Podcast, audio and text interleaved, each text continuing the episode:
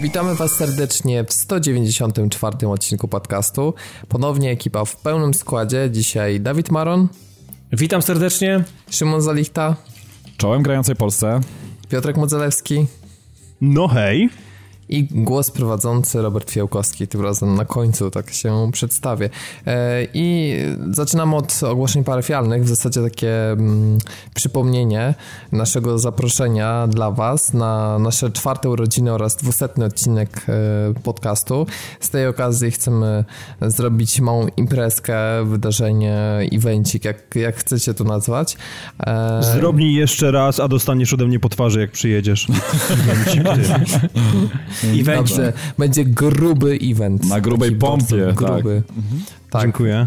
Ale najważniejsze, żebyście byli częścią tego eventu jest wiedzieć, kiedy jest ten event. Otóż my będziemy na Pixel Heaven, e, który odbywa się między 3 a 5 czerwca. Tak, I planujemy tak, urodziny zrobić w sobotę, 4 czerwca, około, około godziny 20. Przynajmniej tak mamy na naszym wydarzeniu na Facebooku, e, do którego zapraszamy Was bardzo serdecznie. Link będzie na stronie e, pod wpisem, tak jeszcze dla przypomnienia, ale nawet jeżeli nie, nie wejdziecie we wpis, to możecie nawet z poziomu strony głównej znaleźć, tam jest logo podcastu i to Was automatycznie przekieruje do wydarzenia.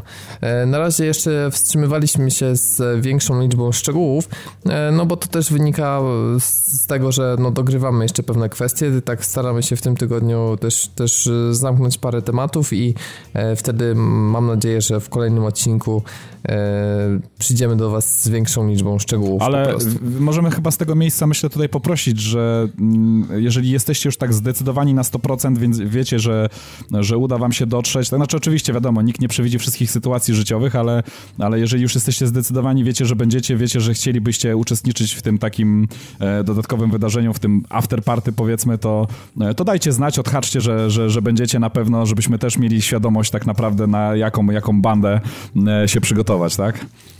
Czy dokładnie, czy pół Warszawy wynająć, czy tylko jedną czwartą na przykład, albo Ursynów o, tylko. na przykład, no. Tylko Praga no, tak. Tylko Ursynów albo cała Białęka, albo wszystko, co po drugiej stronie Wisły na przykład. Tak jest. No, można i tak.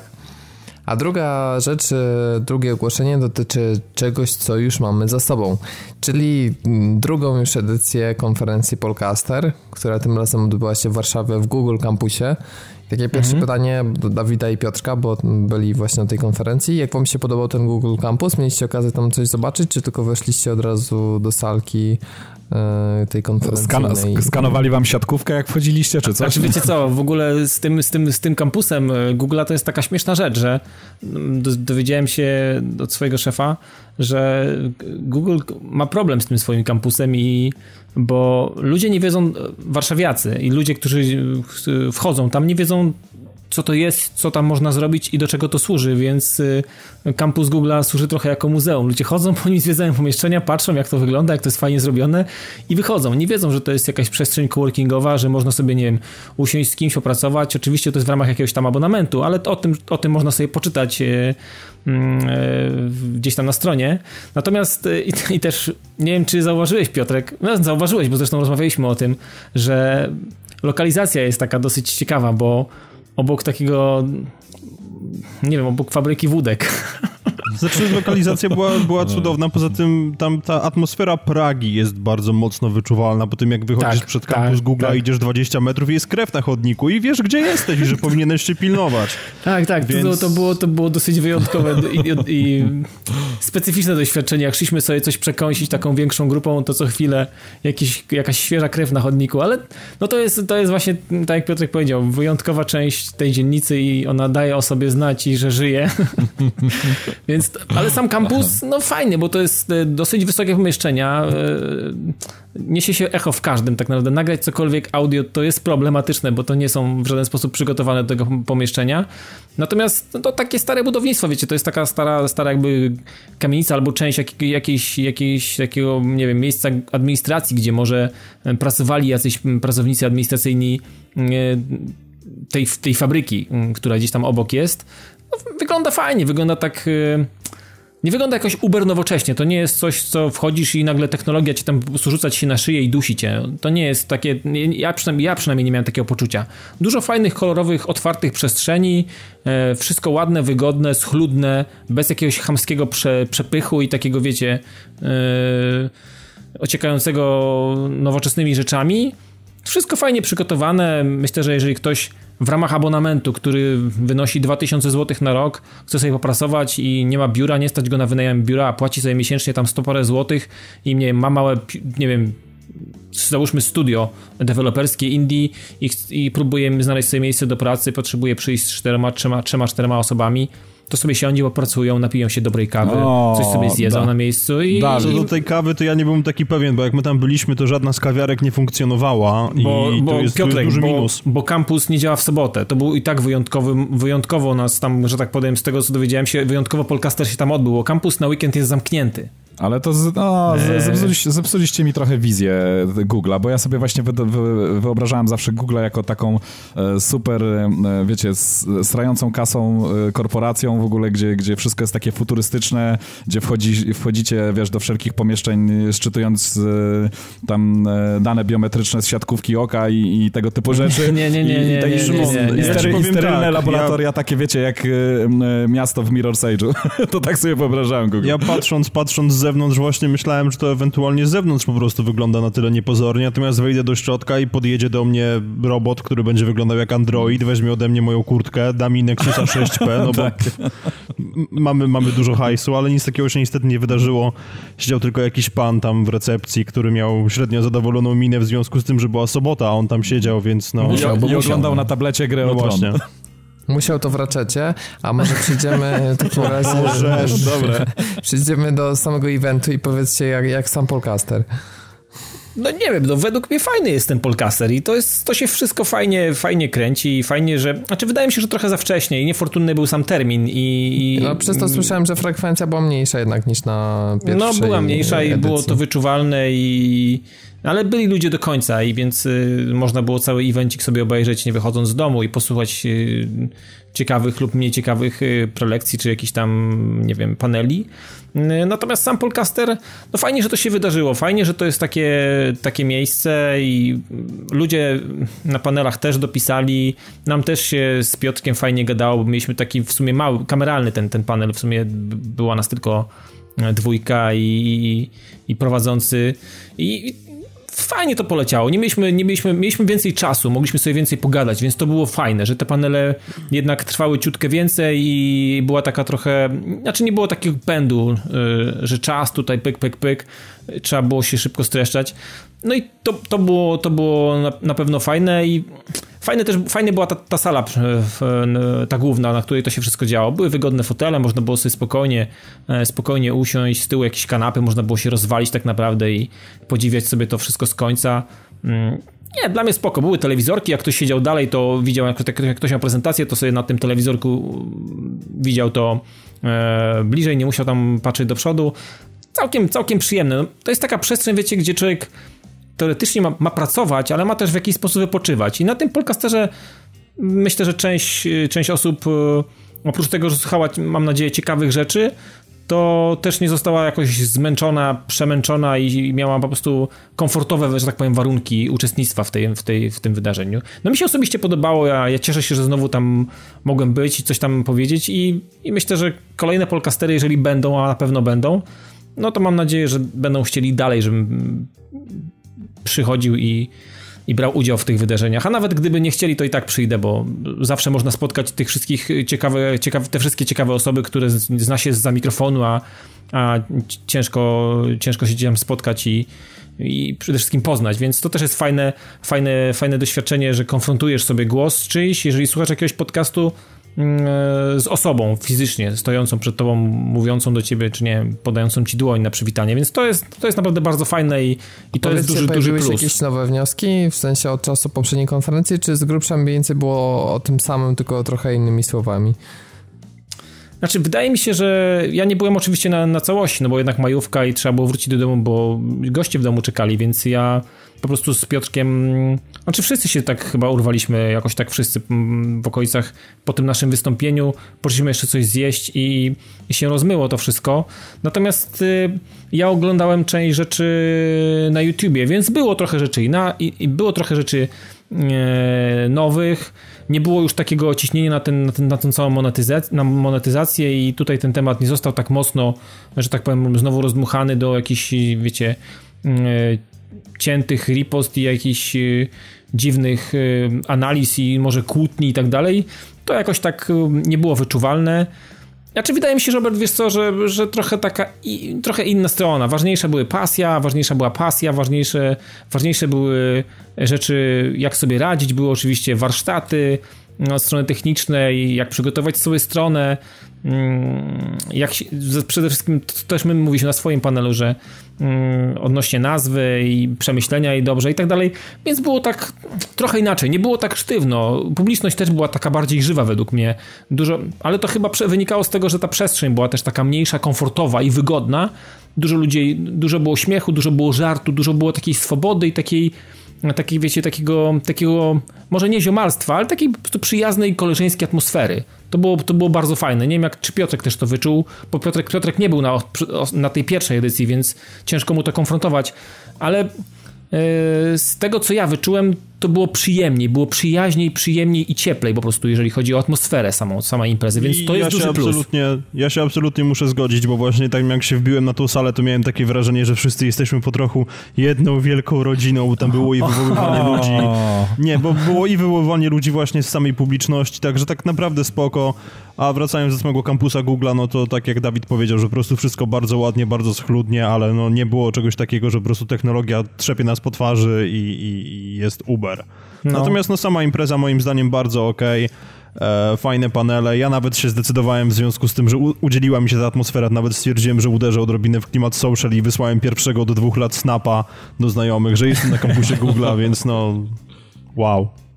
Nie, no fajnie, fajnie. Generalnie uważam, że takich imprez, z takich imprez powinniśmy się zawsze cieszyć, jakie, jakie one by nie były, gdzie by się nie odbywały, to zawsze jest jakaś fajna promocja i przede wszystkim też możliwość spotkania się. To jest też jeden z ważniejszych e, aspektów takiej imprezy. Ja Więc uważam, że na plus, zapraszamy tak, was, częściej. tylko pojawi się któraś z kolejnych edycji, to od nas też macie zapewnienie, że będziemy chcieli być zawsze e, częścią te, tej, tej imprezy, tego wydarzenia, na pewno będziemy w nich uczestniczyć, e, więc, więc jeżeli będziecie chcieli się z nami spotkać, to też Polcaster będzie zawsze taką okazją, Mamy Dokładnie. nadzieję, że, że kolejne edycje jeszcze, no pewnie w tym roku może na jesień się uda trzecią edycję zrobić.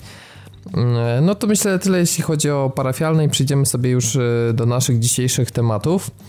A zaczniemy sobie od Nintendo, e, które ostatnio no, wyskoczyło nieoczekiwanie, w sumie bez żadnej jakiejś wielkiej pompy, w sumie nie było wielkiej konferencji, live streama, odliczania, prezenterów, którzy, mm, czy youtuberów, którzy udają prezenterów i gadają głupoty i tutaj nawiązuje do, do prezentacji Battlefielda. Natomiast e, przy Nintendo pojawiła się informacja prasowa, e, związana chyba z raportem finansowym, że NX pojawi się w marcu 2017 roku oraz, że nowa Zelda zostaje opóźniona do tegoż czasu, będzie tytułem startowym, a jednocześnie cross-generacyjnym, ponieważ będzie i na Wii U, i właśnie na NX-a. Tymczasem też Nintendo potwierdziło, że rzeczywiście nazwa jest NX kodowa, więc te wszystkie tysiąc wycieków, no co nie jest zaskoczeniem, były prawdziwe. No tak. I w ogóle jak jest, tak zanim sobie przejdziemy już ściśle do, do newsa, no jest bardziej konkretny, to co w ogóle sądzicie, jeśli chodzi o, o ten czas premiery? Uważacie, że to jest, to jest dobry moment, czy znowu y, Nintendo wsadza palec między drzwi i będzie tak pomiędzy generacjami i w sumie z, znów, znów jakoś tak we własnym cyklu będzie żyło we własnym świecie. Dla miłośników tabelek to jest świetny moment, dlatego że wiecie, kończy się rok finansowy wtedy mniej więcej i zacznie się nowy, więc łatwiej będzie wszystko policzyć. To chyba od tej strony można powiedzieć, że to jest coś dobrego dla tych e, wszystkich ludźmi zajmującym się analizami i jakimiś tam e, planami rozwojowymi e, w, w, samym Nintendo. To, to, to na pewno ten ruch pod tym kątem jest zrozumiły. A jeśli chodzi o wejście w samą generację, no to wiecie, no, jak zwykle, znaczy, jak myślę, zwykle że... Nintendo odwala śląski numer, no. Znaczy ja myślę, że no, to, to, to żadna nowość, no chyba to już możemy zgodnie potwierdzić, że nurt, główny nurt generacji Nintendo nie dotyczy od dawna. Oni absolutnie robią coś, co dla nich nie ma tak. Generacja nie istnieje. Raz, że gry nie wychodzą e, na ich konsole, tu gdzie mamy konsole Sony i Microsoftu, te rzeczy się nie dzieją u nich. Oni, oni nie traktują tej generacji, która dla nas jest mainstreamowa, ta główna, ten główny nurt, jako, jako, jako czegoś, w czym muszą być. I czy oni będą w połowie, czy będą na początku, czy będą pod koniec, czy sprzęt, mają sprzęt konkurencyjny, czy to jest sprzęt mniej konkurencyjny, albo zupełnie inny, albo kurwa będzie za chwilę na kadriże, albo na płytki, na dyskietki 525 cala, to absolutnie mają to w dupie. Oni robią absolutnie to, na co mają ale ochotę. Co, Dawid, no trochę, to, ja bym tego nie żenił razem. Ale co, Dawid, trochę masz tu rację, bo tak jakby się nad tym zastanowić, zobaczcie, e, na innych platformach tak naprawdę mamy z tygodnia na tydzień wysyp co chwilę nowych produkcji, a oni ten to jest jakoś tak cicho, wiecie, oni no oczywiście walną tam jakimś tuzem raz na 3-4 miesiące, ale właściwie to wszystko. Poza tym to tam się chyba za bardzo nic nie dzieje, tak przynajmniej w, jeśli chodzi o... No nie, no o... teraz pod koniec maja wychodzi mm. Swords and Soldiers mm -hmm. 2, który robi Ronimo od Awesome Notes i tak naprawdę. No ale wiecie, jeżeli ktoś. kilka jeszcze innych kolorowych, fajnych, cukierkowych rzeczy. No ale chodzi mi o to, Dawid. Haste bodajże wychodzi od tych, co zrobili mhm. Digward i tak dalej. No. Ale chodzi mi o to, że wiesz, jak no. śledzi się newsy, Dawid, to, to tak naprawdę Nintendo specjalnie nie słychać. Wiecie, jest takie mocne walnięcie, no nie, nie, mocne nie. walnięcie konkretnym tytułem raz na, wiecie, no 3-4 miesiące, tak jak mówię, a poza tym to, to generalnie cisza w eterze. No specjalnie się nic znaczy, nie dzieje. pewnie się dzieje, tylko wiesz, no. Do nas to jest taka, taka, to jest taka hipsteriada, to jest taka hipsteriada, tak. że po prostu to nas nie, nie, nie wpada nam to w ręce. Po Powiem prostu, ci no. tak, wejdź na nintendolive.com na przykład i zobacz, ile tam się dziennie pojawia newsów na temat Nintendo. To jest po prostu taki zalew i taka ilość informacji, tylko większość z Ale... nich jest albo dotyczy tylko rynku japońskiego, albo jest tak hipsterska, że nas nie obchodzi. Po prostu... No właśnie, bo ja się zastanawiam, słuchajcie. Polskie portale o tym nie piszą, bo nie ma zapotrzebowania. No ale polskie tak portale kopiują wszystko, co się dzieje w branży, tak? Więc dlaczego nie kopiują tych informacji, skoro tego jest tak dużo? No to... to, to... Dlatego, że, dlatego, że w Polsce nie są zainteresowani nikogo? po prostu. Dokładnie. No. A czy wiecie, no to jakbyśmy rozmawiali o grach, które są na Facebooku. Ktoś o tym rozmawia, ktoś o tym pisze, a pewnie tam się codziennie coś dzieje. Hmm. To jest, ale myślę, że to podobno, nie, może oddać... nie ta sama skala, nie ta sama ale, skala, ale, ale, myślę, że to jest co? ale kwestia mhm. tego marginesu. Ale wiecie no. co, to nawet nie w Polsce, bo teraz takie jak sobie uświadomiłem, to nawet, wiecie, no, śledzę też te takie y, y, branżowe tuzy, jak IGN, czy tam GameSpot i tam właściwie też nie ma newsów specjalnie na temat Nintendo.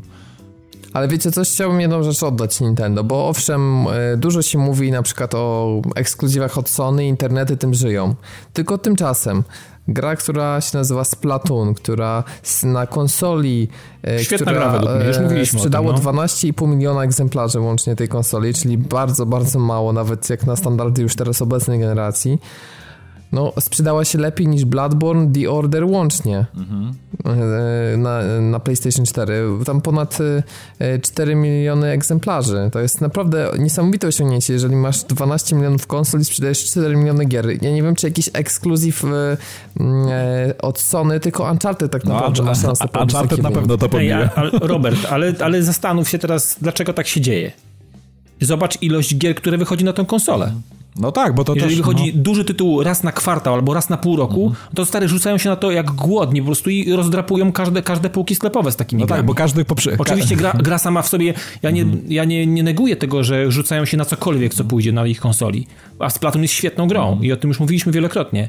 Natomiast no, myślę, że z większością gier, dużych gier, e, szczególnie takich, znaczy, no, nie wiem, no w ogóle dużych gier, które tam wychodzą, po prostu one się sprzedają, no bo Znaczy mi się wydaje, że kwestia tego, no. że nie ma tam gier od y, zewnętrznych deweloperów, więc jeżeli ktoś już ma Wii U, to automatycznie chce kupować te gry, czyli znaczy się, że to tylko świadomi konsumenci fani tak naprawdę pokupowali te konsole tak. i dalej No ale przecież wiedzieliśmy od samego początku, że tak jest, że Wii U nie jest skierowane do ludzi, którzy grają na innych platformach, bo po prostu no nie znajdą na nim czegokolwiek ale dla słuchajcie, siebie. Ale, ale, ale, ale, ale, słuchajcie, ja, ale ja tylko no, chciałem coś dobra, powiedzieć, no. poczekajcie, że tak paradoksalnie, o ile mm, Nintendo mimo wszystko nie jest w złej sytuacji finansowej, jeśli myślę chodzi o dział robienia gier, bo założy się, że Splatoon jest grą tańszą do stworzenia niż na przykład Bloodborne czy The Order, a tymczasem sprzedaje się dużo lepiej, tak nawet na konsoli, na której jest niewiele gier. Ja, ja Robert, ale analogicznie gra zrobiona na komórkę jest tańsza w produkcji, więc no to wiesz, to jest na tej samej zasadzie, no to jest po prostu poziom poziom niżej w stosunku do tych blockbusterów AAA, które mamy na normalnych konsolach. Ja myślę, że tutaj wchodzi... No dobra, Słuchajcie, ale ja... z punktu widzenia finansowego radzą sobie, myślę, dobrze, ja myślę, jeśli chodzi o sprzedaż no Z punktu gier. widzenia finansowego radzą sobie dokładnie tak samo, jaki jest ich procentowy udział w rynku, skoro PSN zarobił w zeszłym roku więcej niż cały Nintendo razem Ale wzięte. słuchajcie, ja myślę, że wiecie co? Teraz jak się nad tym zastanowiłem, to jest genialny marketing ze strony Nintendo. Zobaczcie, takie właśnie trzymanie takich e, wygłodniałych fanów w ogóle i, i rzucanie im e, takich właśnie tuzów co jakiś czas e, tylko, bo mm, to się wiąże też z tym, zobaczcie, że każda gra jest wylizana pewnie od dechy do dechy. No bo nie ma aż takiego przepychu, nie masz takiego wyboru, nie, nie, użytkownicy Nintendo nie kupują co tydzień nowego tytułu, czy tam co miesiąc nawet, tylko muszą troszeczkę dłużej poczekać, więc te tytuły grają i grają i grają, tak naprawdę ogarniając je z każdej możliwej dostępnej strony i tym samym sposobem bardziej związują się z tymi markami, no bo wiecie, jeżeli przy jakimś tytule spędza się bardzo dużo czasu, to siłą rzeczy bardzo mocno związujesz się z daną marką i e, to też, I to, to też wpływa na to... wokół tak. Są tak społeczności wokół tego tytułu tak. i każdego tytułu i, i zobaczcie, bo rzeczywiście trzeba przyznać, że ta społeczność Nintendo jest naprawdę fantastyczna. To są ludzie, którzy, y, wiecie, no stanęliby do walki tak naprawdę w każdym momencie, kiedy tylko e, prezesi Nintendo przywołaliby ich powiedzmy do broni. Także no naprawdę rewelacja i myślę, że to jest niesamowity marketing ze strony um, Nintendo. I mają też model biznesowy, który pozwoli im nawet przetrwać tylko i wyłącznie na korowych fanach Nintendo, bo owszem, Nintendo Dokładnie. zarobiło mniej niż PSN całkiem, ale biorąc pod uwagę, jak fatalny wynik sprzedaży konsoli jest, i jak mało gier wychodzi, to to, że oni cokolwiek zarobili, to już samo w sobie jest po prostu absolutnym majstersztykiem. Tak jest. I biorąc pod uwagę, że NX będzie też e, sprzedawany e, powyżej kosztów, cena będzie wyższa niż koszty produkcji, więc od samego początku Nintendo nie będzie ani dolara e, dokładać. W związku z tym myślę, że owszem, Nintendo na pewno traci udziału w rynku. Nie jest taką firmą jak kiedyś, która po prostu definiowała całą branżę i była prawie że synonimem konsoli. Nie, no tego już nie będzie, ale oni są w stanie spokojnie przetrwać długie lata i myślę, że mówienie, że NX jest ostatnią nadzieją dla Nintendo, na pewno nie dla firmy funkcjonowania. To bardziej jest kwestia tego, no, na, na, ile nie. będą e, odciskali piętno na branży, na ile będą wielką firmą, ale na pewno stabilność e, działania firmy i wydawanie gier to jest, myślę, absolutnie niezagrożona. No i okay, dobra, a ja będę złośliwy w takim razie i powiem tak. Po pierwsze, Szymon, do tego, co ty powiedziałeś, że ludzie się przywiązują mm -hmm. do marek nie przywiązują się do marek, bo oni są już do nich przywiązani, ponieważ to kupują tylko i wyłącznie fani, to jest raz, a dwa, oni mają stabilność finansową tak długo, jak ich fani żyją, a biorąc pod uwagę, że są to ludzie, którzy zaczynali od NESa, to już raczej niewiele im zostało.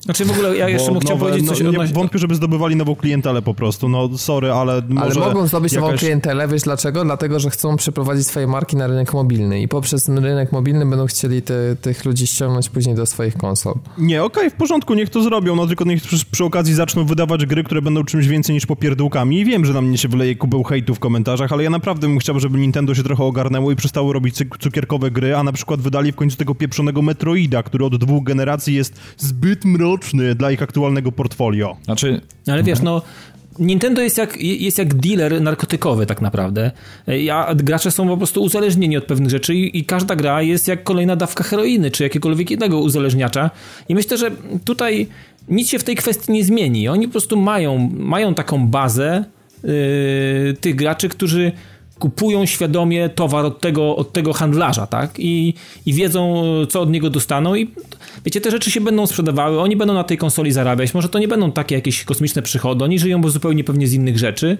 ale znaczy, tej firmie krzywda się nie dzieje tak Słuchajcie, tak naprawdę, Nintendo no. na pewno jest królem w Japonii, no bezkonkurencyjnym, absolutnie, choćby nie wiadomo ile innych konsol, innych firm się sprzedawało, to i tak, e, wiecie, trzy, ludzie na ulicach e, w Tokio i Osace biegają przede wszystkim z 3DS-ami, no i nie, ja nie sądzę, tak, żeby to się zmieniło. nam się no. rynek już też wysycił, Szymon, wiesz, a Wii U przecież w Japonii nie odniosło paradoksalnie wielkiego sukcesu. No tak, tak, tak. Znaczy no, oni, oni chyba dlatego celują, okay, ale oni chyba dlatego celują w mhm. mobilki, dlatego że właśnie e, chyba Japończycy głównie właśnie, wydaje mi się, e, ze wszystkich, ze wszystkich możliwych nacji na świecie e, najbardziej lubią właśnie ten gaming taki mobilny i, i to rzeczywiście było widać, bo tam absolutnie te konsole 3DS-y osiągały jakieś e, astro, astronomiczne liczby, jeśli chodzi o sprzedaż i, i, ja myślę... I najdłużej jakby opierały się tej tak, tak, tak, dokładnie.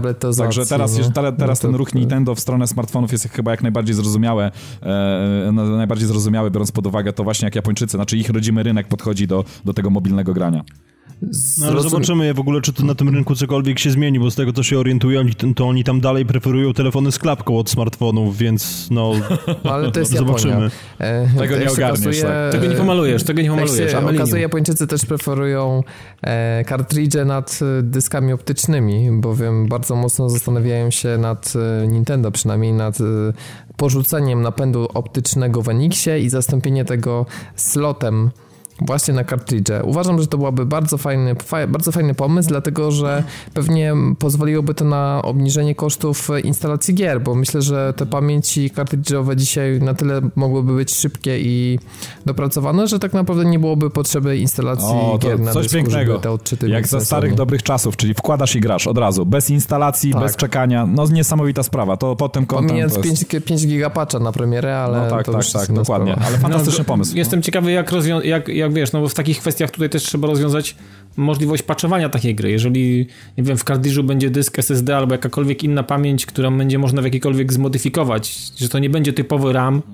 e, znaczy ROM i będzie można w jakikolwiek sposób wpływać na zawartość takiego kartridża, to okej. Okay. No gorzej, jeżeli wychodzi jakaś gra, która ma jakiś problem i, i co ale, wtedy? Ale no, słuchajcie, to... wiecie co, ja się tak zastanawiam, czy ktoś z was ma taką twardą informację, no bo wiecie, no niestety nie jesteśmy użytkownikami i chyba troszeczkę pogdybamy w tym temacie, ale czy gry Nintendo dostają patche? Ja chyba nie słyszałem o, y, o, o czymś takim, czy że gry Nintendo jakoś są masowo... że dostają. Dostają, dostają. na przykład ma regularne aktualizacje tych historii. No dobra, ale, ale Splatoon, ale tak można powiedzieć o każdej produkcji Nintendo? Myślicie, że każda większa produkcja ma patche? Dzisiaj tak. tak. Tak, dzisiaj Aha, tak. Okay. Znaczy, ale z, z, tego co wiem, ale no mówię to nie, nie bardzo z autopsji, yy, to nie są patche rzędu 5 giga na premierę, tylko raczej takie drobniejsze łatki. Natomiast przypominam wam, że samo Wii U praktycznie było sprzedawane do sklepów praktycznie bez interfejsu i wszystko się pobierało w patchu. Mhm. Więc no było tak, było tak. Już samo to pokazuje, że ta era w, dla Nintendo, że podłączasz i grasz już w przypadku Wii U była kompletnie jakby wiem, bezzasadna i niestety wydaje mi się, że większa złożoność gier, które, która pociągnie ze sobą po prostu rozwój sprzętu, czy tam na odwrót, po prostu lepszy sprzęt to bardziej złożone gry, a bardziej złożone gry to mniej czasu też na testy i myślę, że Nintendo jednak też się ugnie i też będzie chciało dotrzymać do te premiery, a nie robić obsuwy, w związku z czym te patche prędzej czy później się Ale pojawią. powiem wam, że to będzie naprawdę, ato, to będzie naprawdę atomówka. Jeżeli pójdą w kartridże i to będzie działało tak na zasadzie właśnie starych sprzętów od Nintendo, czyli wkładasz i grasz, to to, to będzie na, absolutnie w dzisiejszych czasach to będzie absolutnie bomba. Jeszcze jest taki dodatkowy aspekt, o którym e, myślę, że można tutaj powiedzieć, no, ale to no, oczywiście nie będzie to nic odkrywczego. Myślę, że dla kolekcjonerów to będzie niesamowita frajda, bo teraz wyobraźcie sobie półki zapełnione jakimiś fajnie, w, w jakimś takim fajnym designie nowoczesnym, w ogóle takimi kartridżami. Mm, to na pewno będzie robiło wrażenie i to będzie na pewno nerdgazm dla, dla takich kolekcjonerów tego typu e, rzeczy, takich gier w, w takiej formie. Także to, to będzie na pewno też spoko. No jestem ciekawy, to takie, trochę się wydaje takie trochę krzywe. Jestem ciekawy, jak jeszcze kwestia mm, z kopii cyfrowych, no bo nie wiem, jakoś tak, wiecie, z jednej strony się cieszę i byłoby to coś fajnego i ciekawego, natomiast zastanawiam się, jak to, czy to będzie faktycznie jakiś taki wyjątkowy, nie wiem, jakoś tak nie jestem w stanie sobie teraz, teraz jakieś tak poukładać w głowie i, i spiąć tego z cyfrową dystrybucją. Znaczy, wiesz co, ale, ale, ale, ale, ale, to będzie opcjonalnie. Ale wyobraźcie no, sobie film. Ja, ja, ja, ja tak, wam powiem, no. że tak idąc, e, e, biorąc pod uwagę tutaj e, premiery konsol i E3 i to, co odwaliło Sony, to ja już widzę tutaj taką fajną reklamę na zasadzie in, na innych sprzętach to wiadomo jak jest, instalacje, patche i tak dalej, a tutaj prezesi Nintendo podający sobie kartridż i wpinający go i odpalający w przeciągu sekundy, sekundy grę. To będzie naprawdę coś. Według mnie to jest naprawdę coś w tych czasach, także ja, ja absolutnie Gdyby na przykład było, że dzięki temu gry się uruchamiają na przykład 30 y, razy szybciej niż u no, konkurencji. No dokładnie. To, Będziesz miał to, znaczy, wiesz albo, co, albo no, czasami będzie tak trzeba dmuchnąć w Tak, tak, tak. No. I tak i nie, bo, bo jest jeszcze ten problem, że głównym powodem, dla którego loadingi są tak długie, jak są obecnie, jest po prostu weryfikacja danych. To nie jest już nawet przesyłanie samych danych z dysku czy z płyty, ale to jest po prostu ich weryfikacja na podstawie jakichś tam magicznych algorytmów, czy granie jest akurat skrakowana i tak dalej. Także nie wiem, czy to rzeczywiście to przyspieszy, bo to bardziej zależy od mocy przerobowej procesora, natomiast no zdecydowanie będzie to fajna sprawa i tak jak rozmawiacie o tych patchach, no to wydaje mi się, że w tym momencie wrzucenie nawet 128 po prostu gigowego SSD do konsoli, który miałby tylko i wyłącznie te patche magazynować, to już naprawdę byłoby bardzo spoko posunięcie. No ale akurat w SSD Nintendo nie wierzę, oni wrzucą 5400 albo, HDD. Albo patch będzie, albo patch będzie przechowywany na, na, na Budżetu, budżetówka poleci, na pewno. Tak, tak, myślę, że oni będą chcieli. Tym bardziej, że cały czas e, żyje ta plotka, że NX ma być niejako hybrydową konsolą i łączyć w, sobie e, zarówno konsolę przenośną, jak i e, stacjonarną i ten moduł z cartridge'ami no, wpisuje się cały czas również w tę samą plotkę. Natomiast na koniec chciałbym jeszcze polecić, polecieć hejtem dla Nintendo. Uważam, że absolutnie niezrozumiałą i głupią decyzją, chociaż myślę, że niezależną od nich, jest to, że nie pokażą nowej konsoli na E3. Mhm, no, no to... Znaczy, to, to pokazuje to, co mówiliśmy przed chwilą. Oni po prostu mają absolutnie gdzieś to, co się dzieje przy generacji tej, tej naszej, którą my ją, my ją czujemy i obserwujemy. Oni absolutnie mają to gdzieś. To nie jest dla nich absolutnie żaden żadne miejsce i żadna, żadna wyjątkowość E3. Nie ma tu wyjątkowości dla nich. No. To jest dla nich tam, zupełnie coś to tak, innego. Wiesz, to tak jakbyś, jakbyś tak jak, zobaczcie, co się stało z, z PC-tami, które były na poprzednim E3. To w ogóle dzieci, to, to, kogo to, kto, to, kto się tym interesował? Nikt tak naprawdę. Event jakiś tam PC-towy, jakaś Nvidia, karty. Ludzie tego nie chcą i myślę, że Nintendo też nie ma co szukać na takich imprezach tego typu, bo, bo Ale zostało tam się Nintendo no. brało udział i tak miało mimo wszystko, e, no chociażby okay, no. Wii U było pokazywane ale wiesz, na E3 Nie, ale Robert, okej, okay, okej, okay, chwilę, chwilę, chwilę. Nie Wii U było pokazywane, tylko że mi się wydaje, że Nintendo nie do końca umie w prezentacji na E3, bo przypomnij sobie to, co powiedziałeś o Wii U. Przecież nikt nie wiedział, czy to jest nowa konsola, czy to jest tablet, czy, no czy, tak, czy no w sumie nowy nie kontroler wiedział, no, ale to myślę, że łatwiej jest wziąć udział i trochę zmodyfikować prezentację, niż stwierdzić, że obraża się na E3 i olewa po wszechczasy. Ale no. słuchaj, to my wszyscy uważamy dokładnie w ten sam sposób, tylko że Nintendo pewnie się uparło, że pokaże swój sprzęt na TGS-ie, bo będą mogli mówić bez tłumaczy, którzy będą pajacowali i będzie to dla nich lepsze a rozwiązanie, a że mhm. 3 czwarte świata tego po prostu nie zrozumie, bo będą się krzaki wyświetlały na ekranie i będziemy czekali dwa tygodnie, aż ktoś to łaskawie przetłumaczy, przetłumaczy no to A może rzeczywiście ich polityka się już teraz przestawiła w taki sposób, że będą celować przede wszystkim w, w znaczy no w, w, e, odbiorców na, mm, w swoim kraju i tylko, tylko i wyłącznie, tak, że ten świat to będzie taki dodatek, to będą tacy klienci drugiego sortu i tyle, no. I co się sprzeda na świecie, to się sprzeda, ale głównie będą opierali jakby wszystkie tabele i, i założenia na, na, rodzimym, na rodzimym rynku. Może, może w tą stronę pójdą, no cholera ich wie, tak.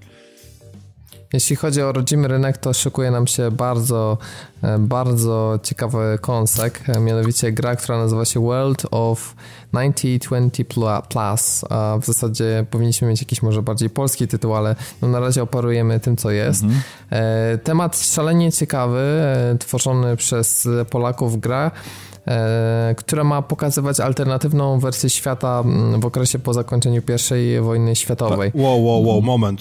Moment, to nie jest gra, która jest stworzona przez Polaków, to jest uniwersum, które zostało wykreowane przez Polaka, przez Jakuba tak Różalskiego, który absolutnie genialne rzeczy tworzy, ale nie wiemy, czy, no może inaczej, on powiedział się zdaje, że to nie jest studio deweloperskie z Polski, ponieważ nikt z rodzimych deweloperów nie był zainteresowany. No dobra, ale... I to robi ktoś inny i ale nie wiemy pomysł, kto. pomysł generalnie jest polski, tak? To jakby cała nie no, pomysł jest jak najbardziej polski tak, na to tak. uniwersum i przecież te mechy gościły na moim pulpicie więcej razy niż jestem w stanie to zliczyć i to jest po prostu coś absolutnie rewelacyjnego, więc ja się po prostu ja... jaram jak cholera, tylko że nie do końca mi się podoba to, jaki gatunek ta gra No ja też właśnie zastanawiam bo się. gra ma być połączeniem strategii i RPG-a, generalnie RTS-a, jeśli ktoś by pytał, bo raczej nie ma to być turówka, więc y, RTS i RPG no, czyli co, coś takiego przypomina mi ostatnio średnio udane Brutal Legend, ale no, mam nadzieję, że to, to coś lepszego nas, nas tutaj Ostatnio, czeka. Boże, że ty jeszcze pamiętasz o tej grze, to jest... Ja, znaczy ja wam powiem, że ja specjalnie nie, nie, ja specjalnie nie przepadam jakoś mocno może za strategiami, więc ja bym raczej sobie życzył troszeczkę, znaczy no chociaż jeżeli to będzie jakiś dobry RTS,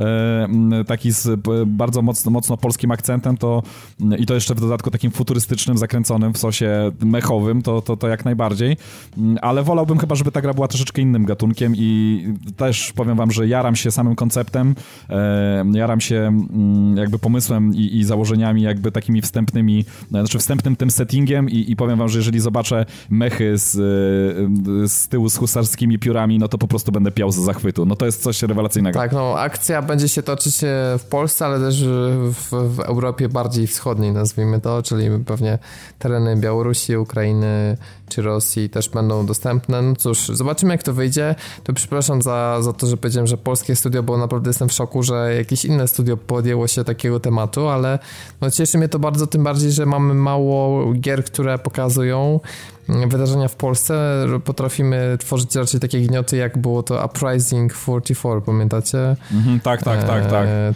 I Rambo potrafimy robić też zajebiście. No, no tak. Rambo dostanie DLC, więc wiesz, Właśnie. to musiało odnieść sukces. Znaczy problem... problem ktoś, co, Robert, to, ktoś powinien za to, kurwa, nie Robert, Robert problem jest w tym, że polskie instytucje czasami zlecają po prostu, ponieważ uważają, że jest, za, że jest za, zapotrzebowanie na, na pewne produkcje, tak, żeby tam wśród młodych jakichś może odbiorców, czy, czy generalnie graczy, tak, znaczy... E... Nie, wiem, nie wiem, czy wiecie, ale teraz jest okres no. komunijny i powiem, że gry dla, komun dla komunistów, nie, nie mogę tak powiedzieć. ale dla ludzi, dla ludzi którzy biorą pierwszą komunię, ludzi, ludzi, ludzi, którzy biorą swoją komunię pierwszą w życiu, też wychodzą gry. Mm. Ale nie polecam oglądać tego na YouTubie, bo od tego ma się raka i wypala, tak, tak, tak, przynajmniej tak. się lewa gałka Dokładnie, ale generalnie chciałem tylko kończąc wątek, y, no po prostu instytucje uważają, że też jest zapotrzebowanie na jakieś tam takie, nie wiem, wybudzenie jakiegoś może gdzieś ukrytego patriotyzmu w młodych ludziach i, i produkowane są niestety takie gnioty, że to się, że to się w pale nie mieści, także stąd wynika tak, no, ale ta liczba tych takich dużych... Tutaj Szymon, wolę, tym, żeby nie, nie maczały w tym palce żadne państwowe środki, bo jeszcze się okaże, Oby. że że cała wizja artystyczna by musiała pójść do piachu, bo, mm, bo nie byłoby miejsca po prostu na fantazję. Myślę, że fajnie byłoby właśnie, żeby, żeby to nie trzymało się za bardzo realiów historycznych w tym względzie, żeby też ludziom za bardzo w głowach nie namieszać. Ja jeszcze tylko powiem ci, Robert, że ja się nie dziwię, że się zajmuje ktoś z zagranicy tym, dlatego, że już e, e, zobaczcie, spotykamy się również z takimi sytuacjami, że zagraniczne kapele heavy metalowe e, tworzą utwory o polskich bohaterach i to, że tak powiem, to już nie jest jedna kapela nawet, ale jest już ich chyba kilka nawet, więc, więc e, no nie dziwi mnie specjalnie to, że, że być może ktoś inny interesuje się naszą e, przebogatą historią i chce mm, zrobić chociażby grę komputerową, która miejmy nadzieję nie okaże się krapem.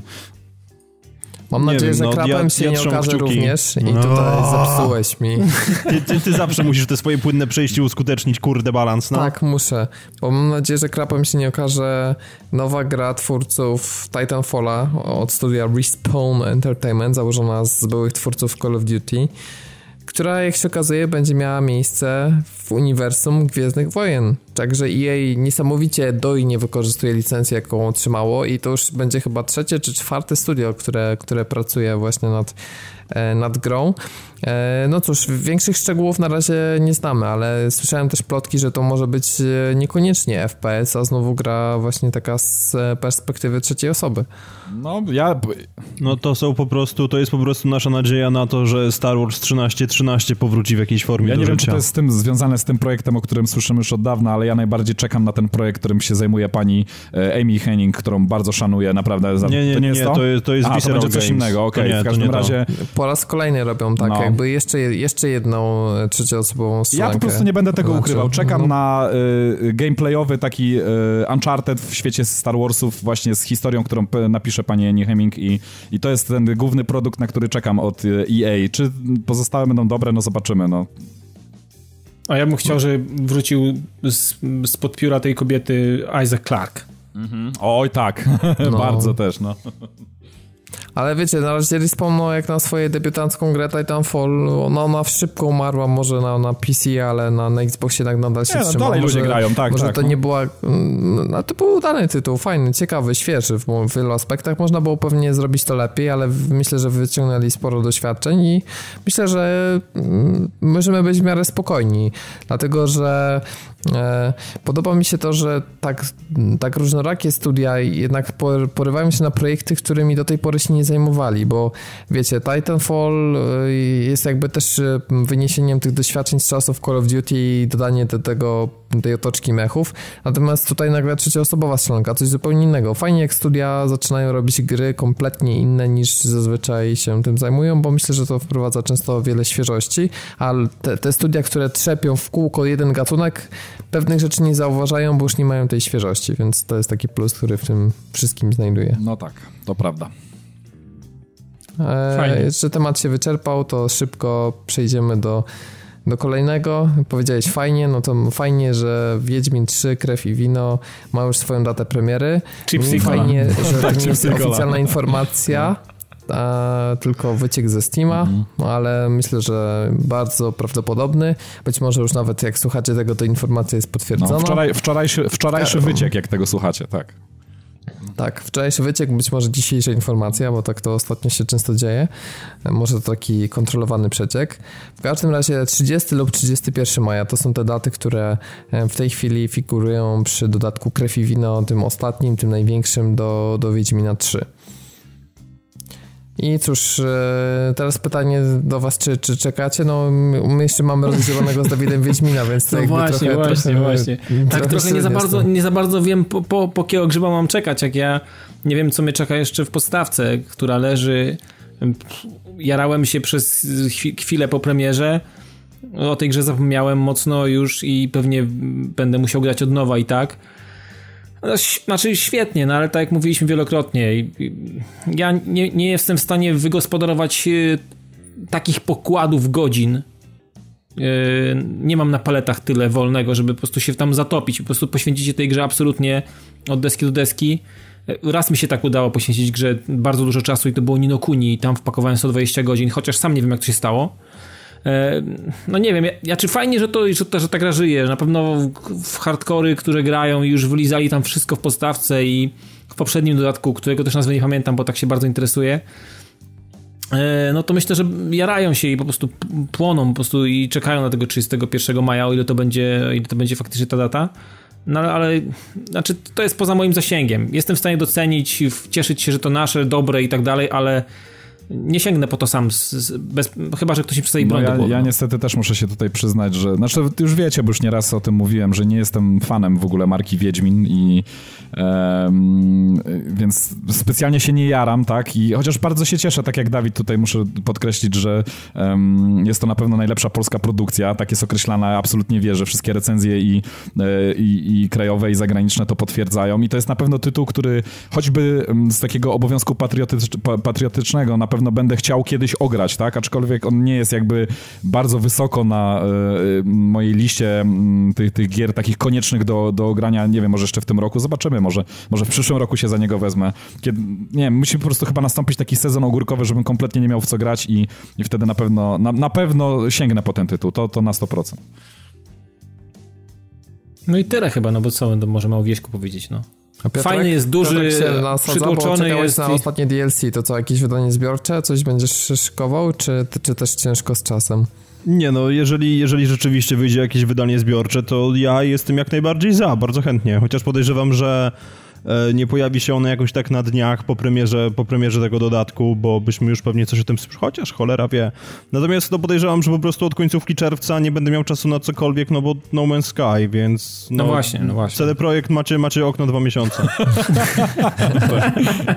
Przynajmniej dokładnie, tutaj dokładnie. będzie uzasadnione Game of the Year Edition, bo jak słyszę, że Project Cars teraz wychodzi w edycji Game of the Year, to się zastanawiam z jakiego oni, czy w Somalii były jakieś wybory gry roku no i już. akurat tam Project Cars było jedyną grą już wyszedł, wydali, już wyszedł w tej wersji tej, e, mm, go, Goty. No teraz tak, w tak, piątek tak, ostatni, no. tak. No tylko, że nikt nie słyszał o tym Goty, ale, no, no. ale okej. Okay. No mi, mi, tam, mi tam przeleciało gdzieś w sklepie, ale i tak cena trochę jak dla mnie zawyżona. Znaczy ja bym może spróbował tego tytułu, ale e, tam chyba jest 200 zł za... Mm, tak naprawdę i tak niewielką zawartość, bo wiecie, tam w podstawce jest chyba niewiele tych samochodów, no i nawet e, z tymi paczkami, które kolejne dołożyli, to i tak jakby to, ta ilość tych maszyn, które możemy przetestować jest niezbyt jakaś powalająca, także...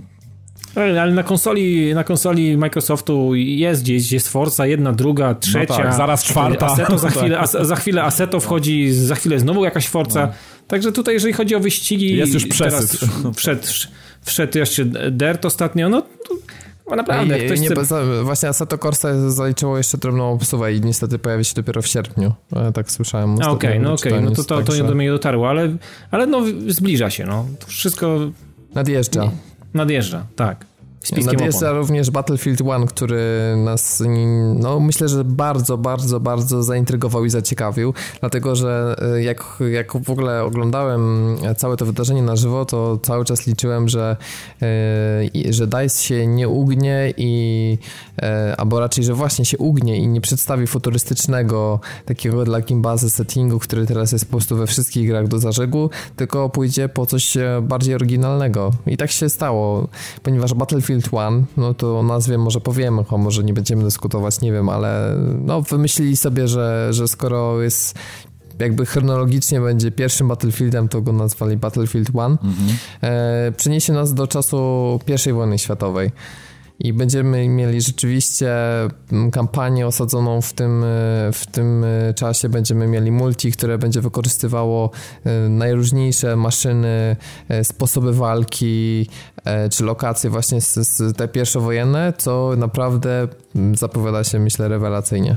No tak, to prawda. Ja, ja jestem zajarany absolutnie tym, tym Battlefieldem. Powiem wam, że poprzednie... Znaczy, za dużo było powielania, tak?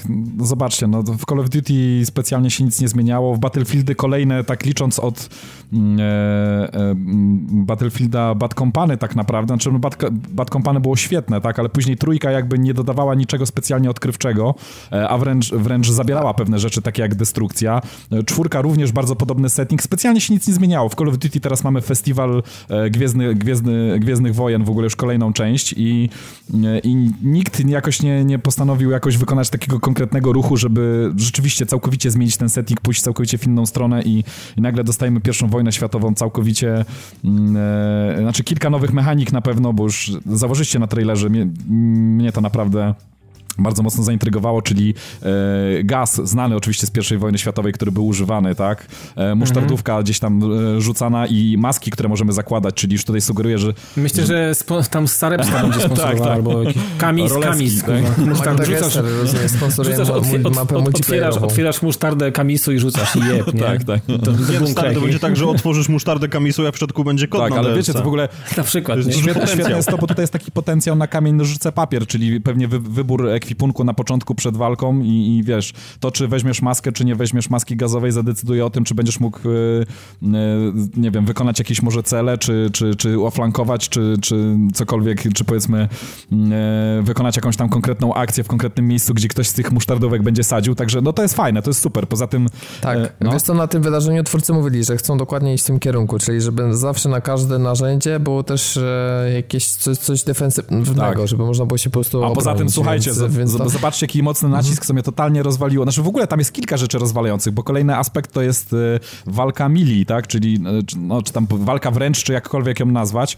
Ma być dużo ma być... bardziej podkręcona tak ze względu na specyfikę, że słabszy tak sprzęt jest. i jakby większą rolę w tym czasie odgrywała faktycznie jeszcze walka Na trailerze wręcz. widzimy y, kolesia z saperką, a wiadomo, to jeżeli ktoś się interesuje militariami, to, to naprawdę nie będzie tutaj jakoś specja, saperka, specjalnie zdziwiony. Saperka, no. Szymon i jeszcze Morgan, tak, Morgenstern. Tak, dokładnie, ale saperka, wiecie, to jest, to powiem jest... wam, że do dziś... To jest bardzo ważne. Do dzisiaj na przykład, y, nie wiem, czy niektórzy może sobie nie zdają sprawy, ale na przykład zielone berety z, w Stanach Zjednoczonych do dziś są y, uczone, ponieważ na wyposażeniu mają saperki do walki wręcz saperką, tak? To jest, można powiedzieć, taka y, sztuka walki sił specjalnych, tak? Niektórych, w, w, niektórych formacjach i tutaj to będzie zastosowane, także to jest bardzo fajne, to jest bardzo ciekawe, że, że poruszają tutaj nawet ta, takie, takie aspekty.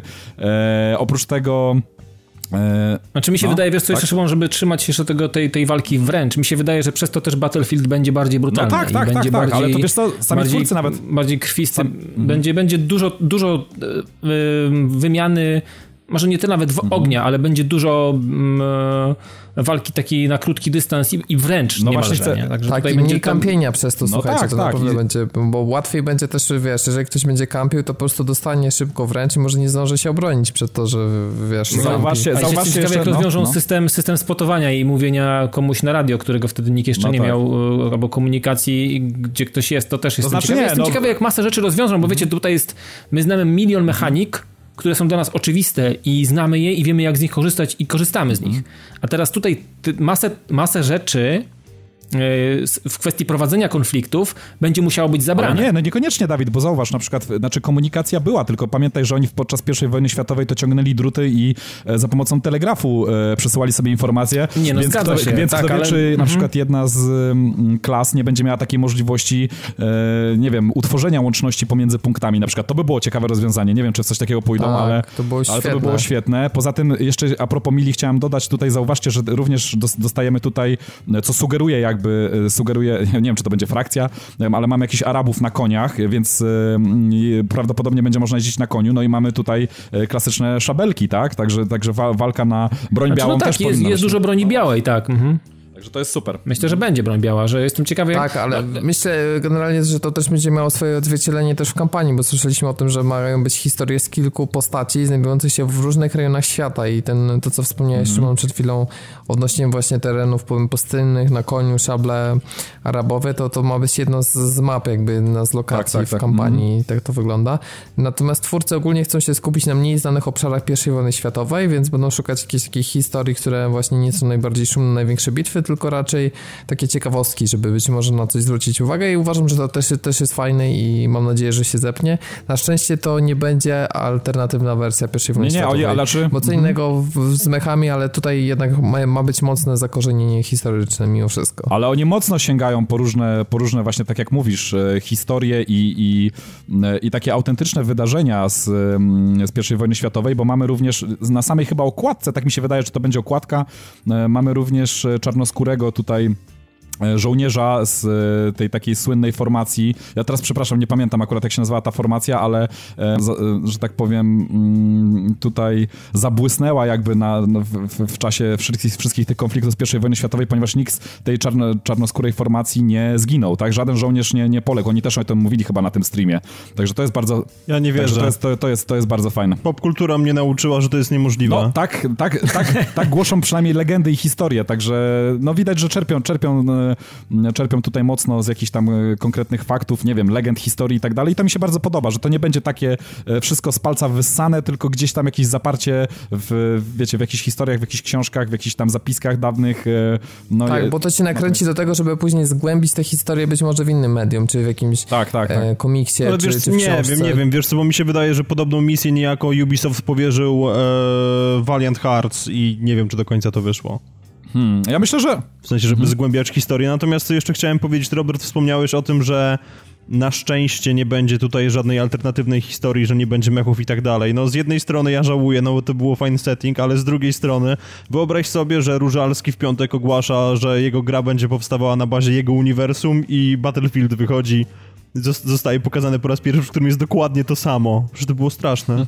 Znaczy no i tak i nie, tylko że wtedy bałbym się, że mamy takiego Titanfalla po prostu, a wiem, że jeśli chodzi o czysto gameplayowego faktu, a nie artystycznej wizji, to jednak y, lepiej by mi się grało mimo wszystko w grę taką, jak, jak teraz twórcy pokazali. Ja ci powiem tak, napędzany węglem Titanfall, no, tak. to by było dobre. A w ogóle to, tak. to byłoby bardzo fajny w ogóle pomysł, gdyby twórcy Titanfalla właśnie y, podeszli nieszablonowo i z, z, zrobili teraz futurystyczny setting i właśnie teraz kolejna gra była byłaby historyczna, i jeszcze inna gra byłaby, nie wiem, jeszcze bardziej jakoś odjechana, żeby za każdym razem było, było coś wymyślone. Wyobraźcie sobie na przykład samurajów, e, że jedna odsłona to byli samurajowie, na przykład e, właśnie takie mechy e, z katanami i tak dalej, jakaś wersja no. typu węgiel właśnie napędzany, to co mówimy.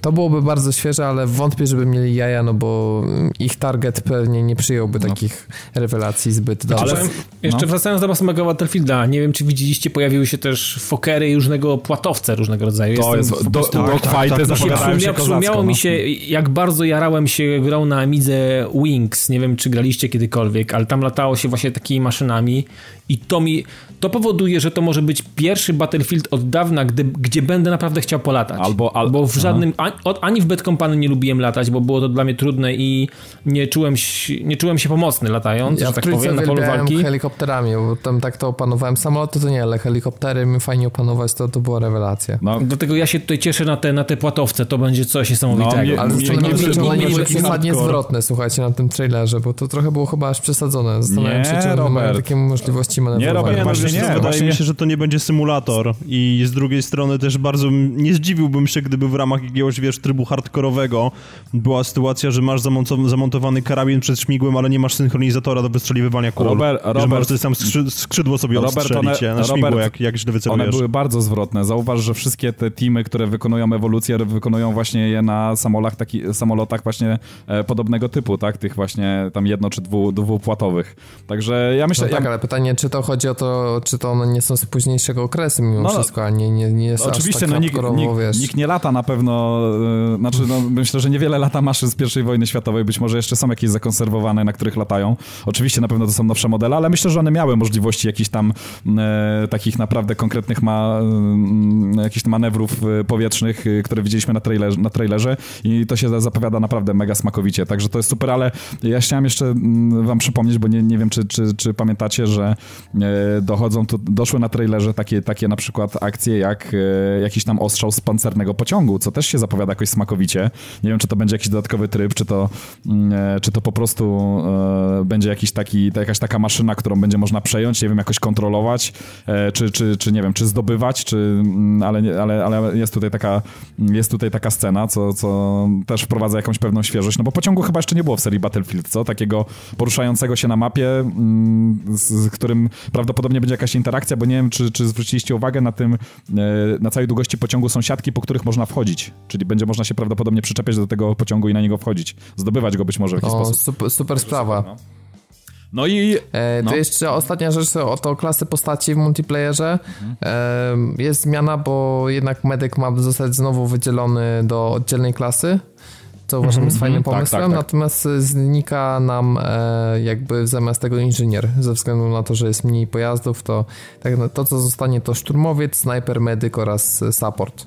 Myślę, że bardzo taki klasyczny podział, chociaż właśnie z modyfikacją, ale um, myślę, że fajnie to zagra, mi się podoba, że, że powraca medyk jako medyk, a nie szturmowiec połączony z medykiem, bo to było trochę bez sensu. No tak, mnie, to prawda. Od trójki mi się ta zmiana nie podobała, szczerze mówiąc. To już taka była zmiana trochę na siłę, nie? I ja myślę, że jeszcze na koniec możemy dodać tutaj, że oprócz wielkiego pociągu, który jest tutaj świeżością i nowością, e, e, widzieliśmy również na trailerze ogromny e, statek, który też... Zeppelin w sumie. E, znaczy nie, nie, Zeppelin to, to, to całkiem, całkiem na końcu, a jeszcze wcześniej był statek mm -hmm. i jakiś tam dogfight nad tym statkiem, e, właśnie same, między samolotami, także, także nie wiem, czy może to jest jakaś zapowiedź, jakieś takie mrugnięcie okiem do nas, że, że dojdą jakieś nowe, tudzież zmodyfikowane wersję jakiego, jak, jakichś tam e, trybów, bo y, w, chyba w czwórce był taki ten tryb, gdzie zdobywaliśmy lotniskowiec, tak? Pamiętacie? No, coś takiego? Tak.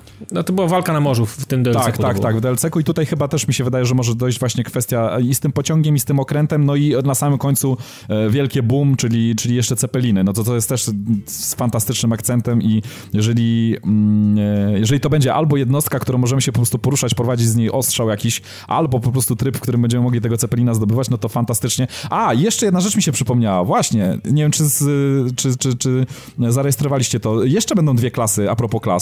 Będą dwie specjalne klasy. Jedna specjalizuje się tylko i wyłącznie w, w jeździe, mm, e, w obsłudze czołgu, a druga e, to jest pilot. I to będą specjalne klasy, które będą zdefiniowane i będą miały specjalne skille pod właśnie prowadzenia tych konkretnych maszyn. To nie wiem, czy to zarejestrowaliście. To też będzie. Tak, czyli ma być jeszcze jakby jeszcze bardziej tak. zaawansowane tak. levelowanie.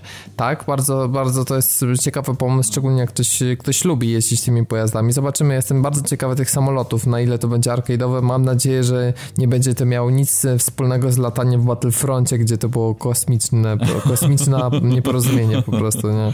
E, no ale to, to jest tak odległe że już bardziej być nie może, więc mam nadzieję, że, że i w modelu to będzie miało odzwierciedlenie. I ostatnia rzecz, e, myślę, że bardzo ważna, data premiery w sumie tak. całkiem niedługo. Ja się cieszę, bo często mamy tak, że dowiadujemy się super fajnych informacji o grze, ale tak jak z Division, musimy czekać, nie wiem, 3 lata, 4 prawie na to, tak, żeby to tak, się pojawiło.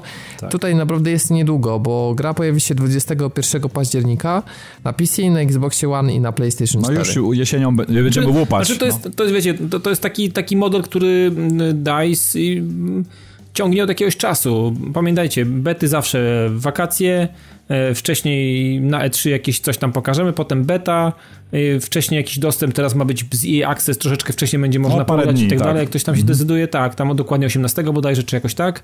I premiera znowu październik, więc to tak zawsze oscyluje na, na po, połowa, końcówka października i tak chyba było, znaczy nie, Bad Company było inaczej, bo premiera była w marcu 2010 roku bodajże, mhm. więc więc to było trochę inaczej. Ale Battlefield potem był październik 3 i czwórka też wychodziła na jesieni później, no i tutaj jakby się nic nie zmieniło i beta zawsze w wakacje i myślę, że model jakby został utrzymany, no. No generalnie wszyscy się, Ale wszyscy, chyba wszyscy się jaramy. Jaramy tak, się, tak, no, oczywiście, czekamy że tak. I, Czekaj, oczywiście, że tak. E, po beta testach na pewno spodziewajcie się jakichś recenzji. Ba. Natomiast możemy wam, możemy wam powiedzieć, na co nie czekamy.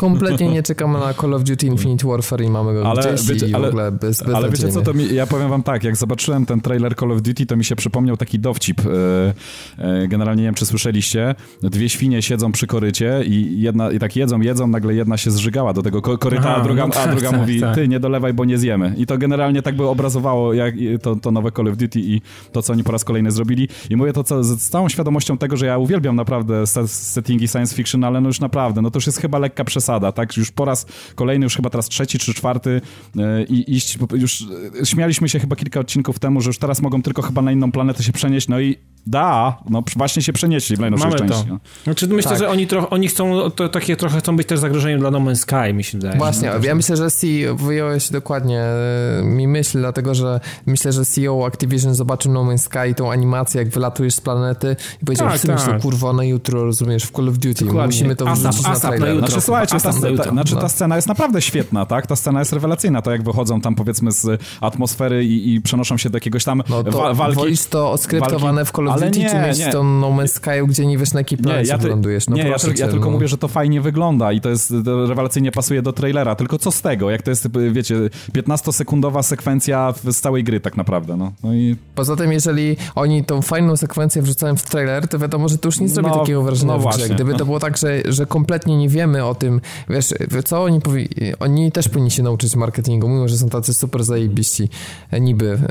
E, no bo zobaczcie, gdyby pokazali tylko walkę na ziemi i cały czas robili tylko trailery z ziemi, mm. gdzie tam są statki i nagle gracze by odpalili kampanię i nagle by się okazało, że lecisz w kosmos i trzy czwarte gry jest poza kosmosem, no to poniekąd e, to, to by przynajmniej zrobiło jakieś, wiesz, jakieś zaskoczenie tak, tak, element. Prawda, no. a tu wszystko tak jak trailery blockbusterów amerykańskich. Trailer streszcza całą mm. grę, wszystkie lokacje, wszystko jest pokazane i założy się, że nic nowego w, w porównaniu do tego, co było na tym długim trailerze, to, to niespecjalnie ale, uświadczymy. Ale Call of, Duty, ale Call of Duty chyba od zawsze to robiło, wiesz, Robert? No tak właśnie chciałem wydaje, powiedzieć, że, że, oni mają taką bardzo długą tradycję pieprzenia sobie tego, co, co tak naprawdę zaplanowali, bo trailer Modern Warfare 2 tutaj jest najlepszy, gdzie nagle się na, na, na zwiastunie było pokazane, że jest sekwencja w kosmosie właśnie widziana z oczu astronauty. Fakt faktem w samej grze zajmowało na 30 sekund. Ale, ale no... była mega spoilerem, no mówmy się, no. takim no tak, tak, tak, I tutaj po raz kolejny to robią.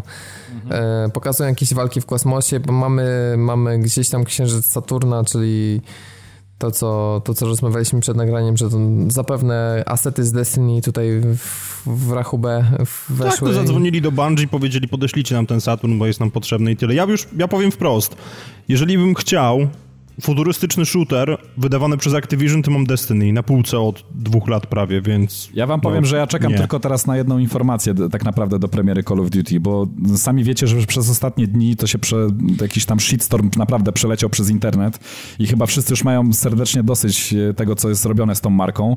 Jeżeli teraz znowu e, po premierze usłyszymy, że ta marka się, znaczy, że, że, że ta gra się sprzedała w jakichś astronomicznych ilościach, to ja już kompletnie nie rozumiem tej branży.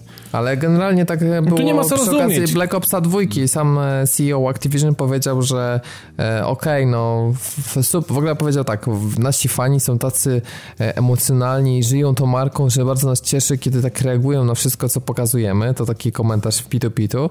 A z drugiej strony mówi cynicznie, że Black Ops 3 nie, przepraszam, dwójka, na pierwszym zwiastunie miało bardzo niskie oceny, a pobiło rekord sprzedaży w ogóle dla serii, e, więc e, oni się kompletnie tym nie przejmują tak naprawdę. Mm, I, no a tak. dla ludzi, którzy chcą mieć, e, jak to on powiedział, taki bardziej bieganie po ziemi, no to jest remaster Modern Warfare. I generalnie jakby w tym kierunku idą, że w ten sposób chcą jakby wszystkich zadowolić, bo, bo fani klasycznych Call of Duty mają remaster, a fani futurystycznych mają Infinite ale, Warfare. Ale w ogóle zobaczcie, co za paradoks tak naprawdę, że najfajniejszą rzeczą w nowym Call of Duty jest zremasterowane pierwsze Call of Duty, jakie wyszło. A najlepsze jest to, to, że to masa ludzi to kupi ten Infinite Warfare jako dodatek do właśnie do tego no Modern pewnie, no ja nie, wiesz co, mi się wydaje, że generalnie rzecz biorąc oni teraz będą to sprzedawali tak jak mówili, że będzie to tylko w pakiecie tam z jakąś Legendary Edition czy, czy Legacy, czy jakkolwiek ona się nazywa.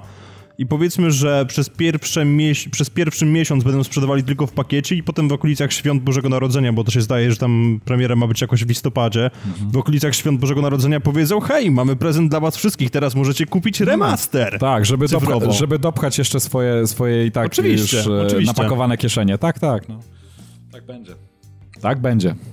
No i cóż, no, ja, czy, czy ja, ja, chyba nie mam ochoty więcej tracić czasu antynowego na, na Call of Duty, no, no słuchajcie, tak no, też mi się wydaje, no, no, znaczy, no, no, powiem tak, że jeszcze gdyby ten remaster Call of Duty Modern Warfare wyszedł oddzielnie, nawet niechby kosztował, no już może nie 60, ale 40 dolarów, to ja bym się zainteresował, bo pamiętam, że Call of Duty 4 kupiłem na premierę, byłem mega najarany, yy, zastanawiałem się, czy gra dostarczy, kampania mega dostarczyła, multiplayer to już w ogóle była totalna zajebioza i odjazd i mhm. żadna inna część Call of Duty yy, tyle, tyle fajnych rzeczy mi nie dała przeżyć i tak naprawdę to jest ta, którą wspominam najlepiej i później już było coraz gorzej, z każdą odsłoną. I... Mówisz o Modern no, Warfare 1? W, moder, w mod, tak, ale w Modern A Warfare dwójka 2, też była spoko. Dwójka była spoko, ale przede wszystkim w dwójce multiplayer według mnie był najlepszy. Że był najlepszy, DB, bo to było to, co zajebiste w jedynce, plus jeszcze no, no dodali troszeczkę, podkręcili jeszcze tą zajebistość, tak powiedzmy, parę, parę oczek do góry. Ale Także w kampanii było, było, było podkręcone już na tyle, że już przestało no. mnie to bawić trochę. Mhm. W sensie już, no to tak, już tak. Michael Bay wszedł właśnie od Modern Warfare 2 tak naprawdę. No tak, ale fakt faktem później już było tylko coraz gorzej. Znaczy ja jeszcze muszę tutaj obronić tak naprawdę e, Black Ops 1, która e, tak jak w multiplayerze może to już nie, nie była ta frajda właśnie co w Modern Warfare 1 i 2, tak single był całkiem przyzwoity. Tak, mi się znaczy, no bo tam, tam kwestia tego wątku, znaczy głównego wątku mhm. i tam też, że to była zimna wojna, umówmy się, tak, że no tak, to tak. jak na dzisiejsze standardy to przyjęlibyśmy z tym, jaralibyśmy, jaralibyśmy się takim settingiem, No pewnie, prawda? pewnie, że tak. Mhm. Więc, no. więc to jest prawda. No dobra, to tyle jeśli chodzi na, o nasze dzisiejsze tematy i teraz sobie przejdziemy do gier. A zaczniemy tak krótko może, bo, bo o tym już mówiliśmy, e, konkretnie Szymon. Mianowicie e, prawie przeszedłem, to można się śmiać, no, został mi jeden akt, e, no, Quantum Break na PC. No ale to już niewiele ci zostało tak naprawdę. Nie, nie znasz tylko końca tej historii, tak naprawdę. Tak, nie znam tylko końca. Przyznam, że mm, tuż przed podcastem kończyłem i chyba jeszcze mm, po, po tym, jak skończymy nagrywać, to, to się skuszę i, i, i zagram do końca. E, dlatego, że no, Quantum Break naprawdę się potrafi rozkręcić. Ma dosyć niemrawy początek, moim zdaniem, i ta historia tak dosyć powoli się zawiązuje na, na zasadzie wiesz, kim on jest, o co chodzi, w ogóle jakie ma motywy, dlaczego ja mam się nim przejmować, ale z czasem e, bardzo fajnie gra mm, te postaci rozbudowuje. Myślę, że e, to, co bardzo wyszło, to ten podział na film, e, przepraszam, na, na serial, mhm. na grę i na e, wybory mm, jakby przez głównego antagonistę. Tak, Myślę, tak, że to, tak, to fajnie współgra e, mhm. i jest taka jedna rzecz, którą zwróciłem uwagę i nie wiem, czy ty to mówiłeś, ale mhm. wydaje mi się, że nie. E, bo o tym wszystkim to już mówił Szymon, ja nie chcę się powtarzać, ale na jedną nowość zwróciłem uwagę. Mianowicie, kiedy gra nam daje mechanikę możliwości wyboru e, oczami głównego antagonisty, to mamy jakby dwie ścieżki, e, jakie możemy obrać, co jest bardzo fajne. Mhm, możemy tak, tak. albo starać się ułatwić grę naszemu głównemu bohaterowi, to jest jakby mhm. rzecz pierwsza. A druga, że możemy jednak się wcielać w tę postać i starać się wybierać tak, jakby ten antagonista rzeczywiście wybierał. Starać się zrozumieć jego charakter i wbrew pozorom część no, bardziej zaszkodzić głównemu bohaterowi. I nie wiem, którą z tych ścieżek wybierałeś, ale jak mi pokazywało, to za, znaczy, ja, za każdym ja, ja razem... wybrałem obie. Nie wiem, które zapisało przejście, ale um, do tej pory z, z, czterech wyborów to tylko raz e, tak samo wybrałem jak ty, trzy pozostało odwrotnie, bo mi tam wyświetlało to na, na liście. Aha, tak, tak. tak. Nie wiem, z którego mhm. przejścia to, znaczy, wiesz, ja nie, to, ja, ja, to, to zapisało. Wiesz co, ja, ja myślę, że zapisało z drugiego przejścia ja y, starałem się jakby troszeczkę wybierać, nie wczuwać się jakby w rolę tego mm, e, głównego antagonisty, tylko starałem się raczej ułatwiać właśnie Jackowi e, ten, ten, tą, tą grę, tą jego historię, jakoś troszeczkę może uprościć za pierwszym razem, e, tak trochę na przekór temu, ale z drugą ścieżkę również poznałem i jedyne, jedyna rzecz, którą trzeba tutaj myślę zaznaczyć, że to nie są takie wy wybory, które tylko coś tam powiedzmy zmieniają w serialu i, te, i, i, i tyle, ale mm, trzeba przyznać, że ta historia dość mocno się zmienia. I no teraz Robert tego może nie doświadczysz, ale zobaczysz przy drugim przejściu, że kiedy podejmiesz całkowicie inne wybory, to zaczną się dziać inne rzeczy, zaczniesz spotykać inne postaci, e, jedne się już na, na przykład już w ogóle nie pojawią, pojawią się nowe e, i same motywacje jakby e, tego, tego głównego antagonisty bardzo mocno się zmienią i to, to będzie bardzo mocno odczuwalne i jak i w grze, jak i w samym, jak i w serialu. Także to, to jest bardzo fajne. To cała narracja mi się, mi się podoba i uważam, że jak na standard gier E, to jest naprawdę wysoka półka, można powiedzieć, że najwyższa, bo mało gier wchodzi tak głęboko i pokazuje wielowymiarowo. Natomiast e, uważam, że niestety Quantum Break jest e, najsłabszy Chociaż to nie, nie, nie mówię, że słaby, tylko akurat najmniej elementem, który mnie porwał w Quantum Break jest strzelanie. I mowa o strzelance, więc to jest, to jest trochę paradoksalnie. Mowa jeszcze o Remedy, które przecież e, wypluło z siebie genialnego Maxa Payne'a. Zresztą Alan Wake też mi się strzelało. I w tamtych grach mi się strzelało lepiej. Nie wiem, czy to jest kwestia tego, że już powstały inne gry, czy jakoś opacznie tamte pamiętam, ale moim zdaniem nawet trudno jest mi do końca powiedzieć, co jest tam nie tak. Po prostu nie czuć takiego, tej mocy tych broni. Trochę mam na, tak, na takiej zasadzie, że to tak, takie pierdzenie, a nie strzelanie.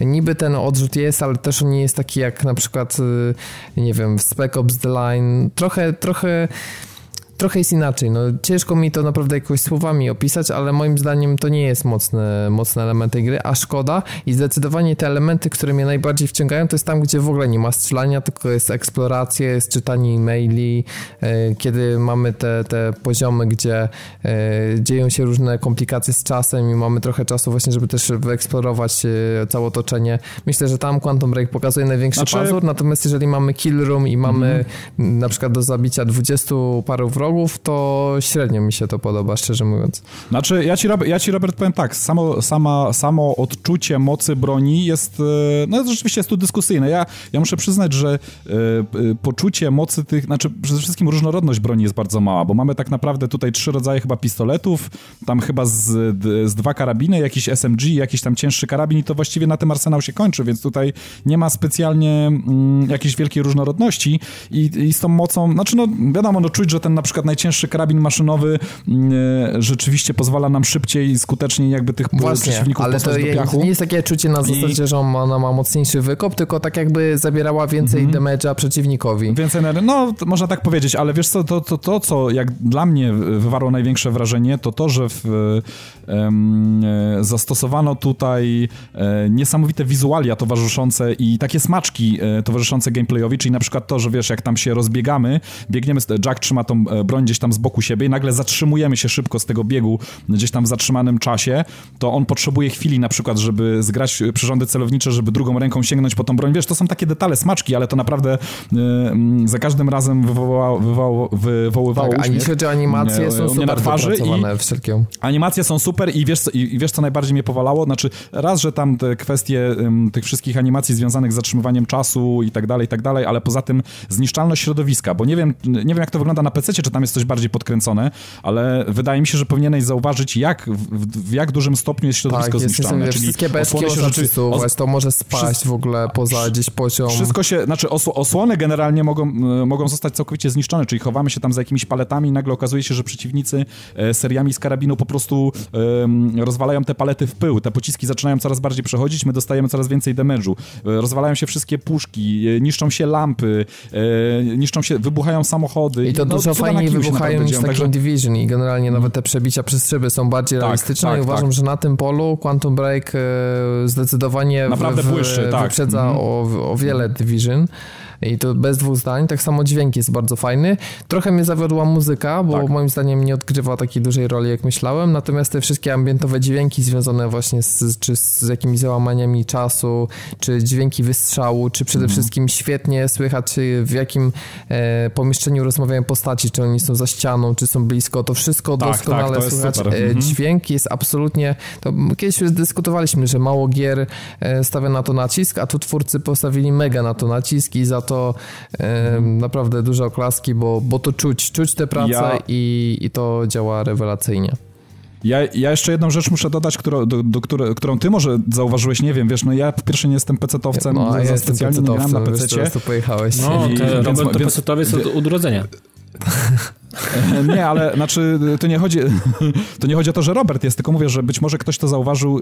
Ja ostatnio jeszcze oglądałem taką analizę, no bo wiecie, że jestem bardzo mocno zajarany ciągle e, Quantum Break. Jest to, jest to dla mnie taki, no naprawdę w panteonie moich najlepszych gier, jakie, jakie grałem w życiu i obejrzałem sobie ostatnio taką analizę, zrobiło Digital Foundry i oni stwierdzili, że e, Remedy w Quantum Break użyło po raz pierwszy, e, znaczy ambicjonalnie jakby podeszli do tematu oświetlenia i jest tam zastosowane oświetlenie, które do tej pory nie było zastosowane w żadnym, w żadnym tytule.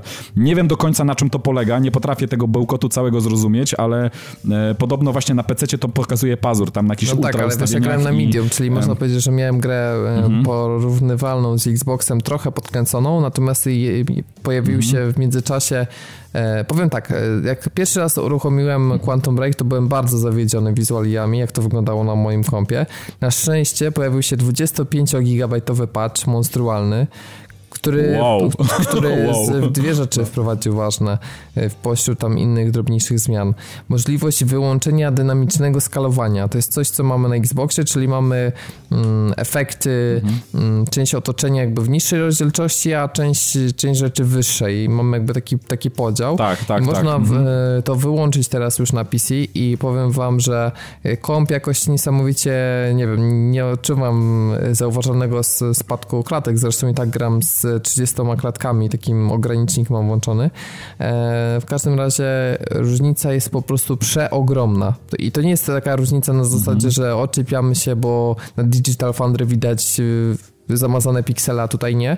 Chodzi o to, że to jest mega odczuwalne w trakcie gry, bo cały czas miałem taki dziwny dysonans, kiedy y, coś było w wyższej rozdzielczości, coś w niższej i tak cały czas patrzę, że coś mi tu nie grało. Niech wszystko byłoby w niższej albo wszystko wyższej i teraz przy tej spójności jest super i mimo, że ja też lubię ten efekt y, ziarna y, takiego filmowego, to mimo wszystko w niektórych, mm, szczególnie w dziennych etapach, czy o zachodzie słońca, był on już tak bardzo mocno E, dawał po ryju, że pojawiła się też opcja jego wyłączenia i to zrobiłem i moim zdaniem jest fajnie i, i, i też y, gra nie straciła na klimacie ani na wydajności i gra się przyjemniej. Także uważam, że powiem tak, Quantum Break działa na PC teraz, można w to pograć, natomiast trzeba wiedzieć, że jest dość słabo zoptymalizowany przede wszystkim na kartach NVIDIA i jeżeli ktoś jest jakimś tam maniakiem ultra i 60 klatek, to musi już wchodzić w te karty jakieś tam porąbańców za 2,5 tysiąca złotych co najmniej to niestety tak to na dzisiaj mm. wygląda. Jeżeli no ktoś to, taki jest casualowo pecetowy, tak jak ja, czyli no tam ma jakiegoś tam peceta sprzed dwóch, trzech lat, który spokojnie jest w stanie na medium pograć i aż tak nie widzi różnicy między tymi kolejnymi sowakami, no to, e, to gra się przyjemnie i uważam, że gra naprawdę przede wszystkim nadrabia artystyczną e, designem i bardzo wielkim klimatem tych lokacji i przyznam, że zaskakujące są niektóre wybory, że nie spodziewałem się, że w takich miejscach mm. będę w, Quantum Wyszło to bardzo fajnie, natomiast e, jakby tak już podsumowując trochę, dla mnie to nie jest niestety gra tam na 10, tak jak dla Szymona, czy, czy absolutnie najlepsze doświadczenie, jakie, jakie w życiu grałem, czy, czy w topie najlepszych.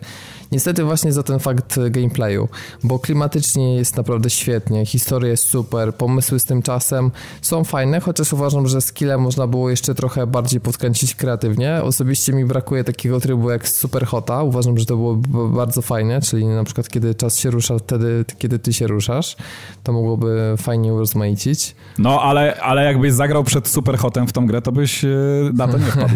znaczy wiesz, e, Super, Super Hot już pokazał w 2012 roku chyba tę mechanikę, wiesz, na jakimś mhm. tam zwiastunie, więc więc, no tak, tak. Więc no, mogli to wykorzystać, nie? Myślę, myślę, że parę rzeczy, te skill, nie wszystkie skille były przydatne, o tak powiem i tak naprawdę skończyłem efektywnie wykorzystując dwa i nie podoba mi się też system upgrade'u tych skilli, yy, który jest taki mega uproszczony i mało intuicyjny uważam i nie jest taki odczuwalny, że, że się dostało upgrade, więc uważam, że, że gameplayowo, kurczę, no nie wykorzystali tego potencjału.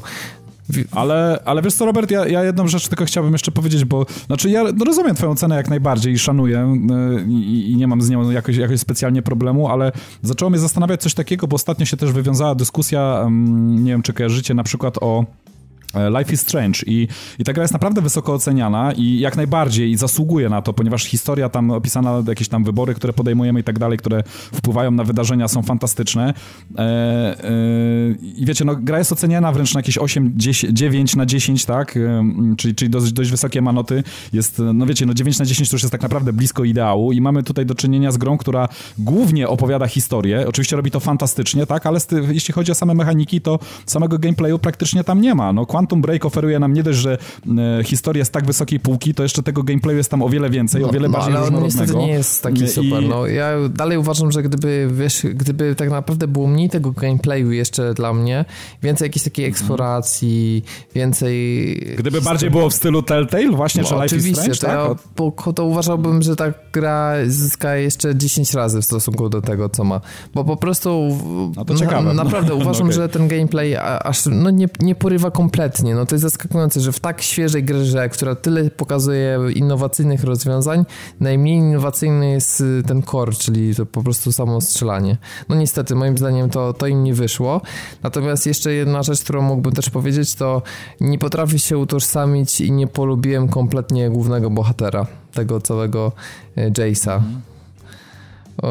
Uważam, że no. i aktorsko zarówno, jeśli chodzi o mm, widać to w serialu, aktorsko wypada moim zdaniem zdecydowanie najsłabiej z całej obsady i tak naprawdę to, co ciągnie tę historię, to postaci poboczne. I myślę, że jedną z tych fajniejszych rol, ten Martin Hedge, który ten, ten czarnoskóry aktor, który on tu chyba robi tak, najlepszą tak, tak, robotę tak. i jedna z w ogóle była właśnie bardziej takich klimatycznych postaci, ale, ale nie tylko, no, znalazłbym przynajmniej z 5-6 naprawdę fajnych postaci szczególnie właśnie w serialu, które się pojawiają.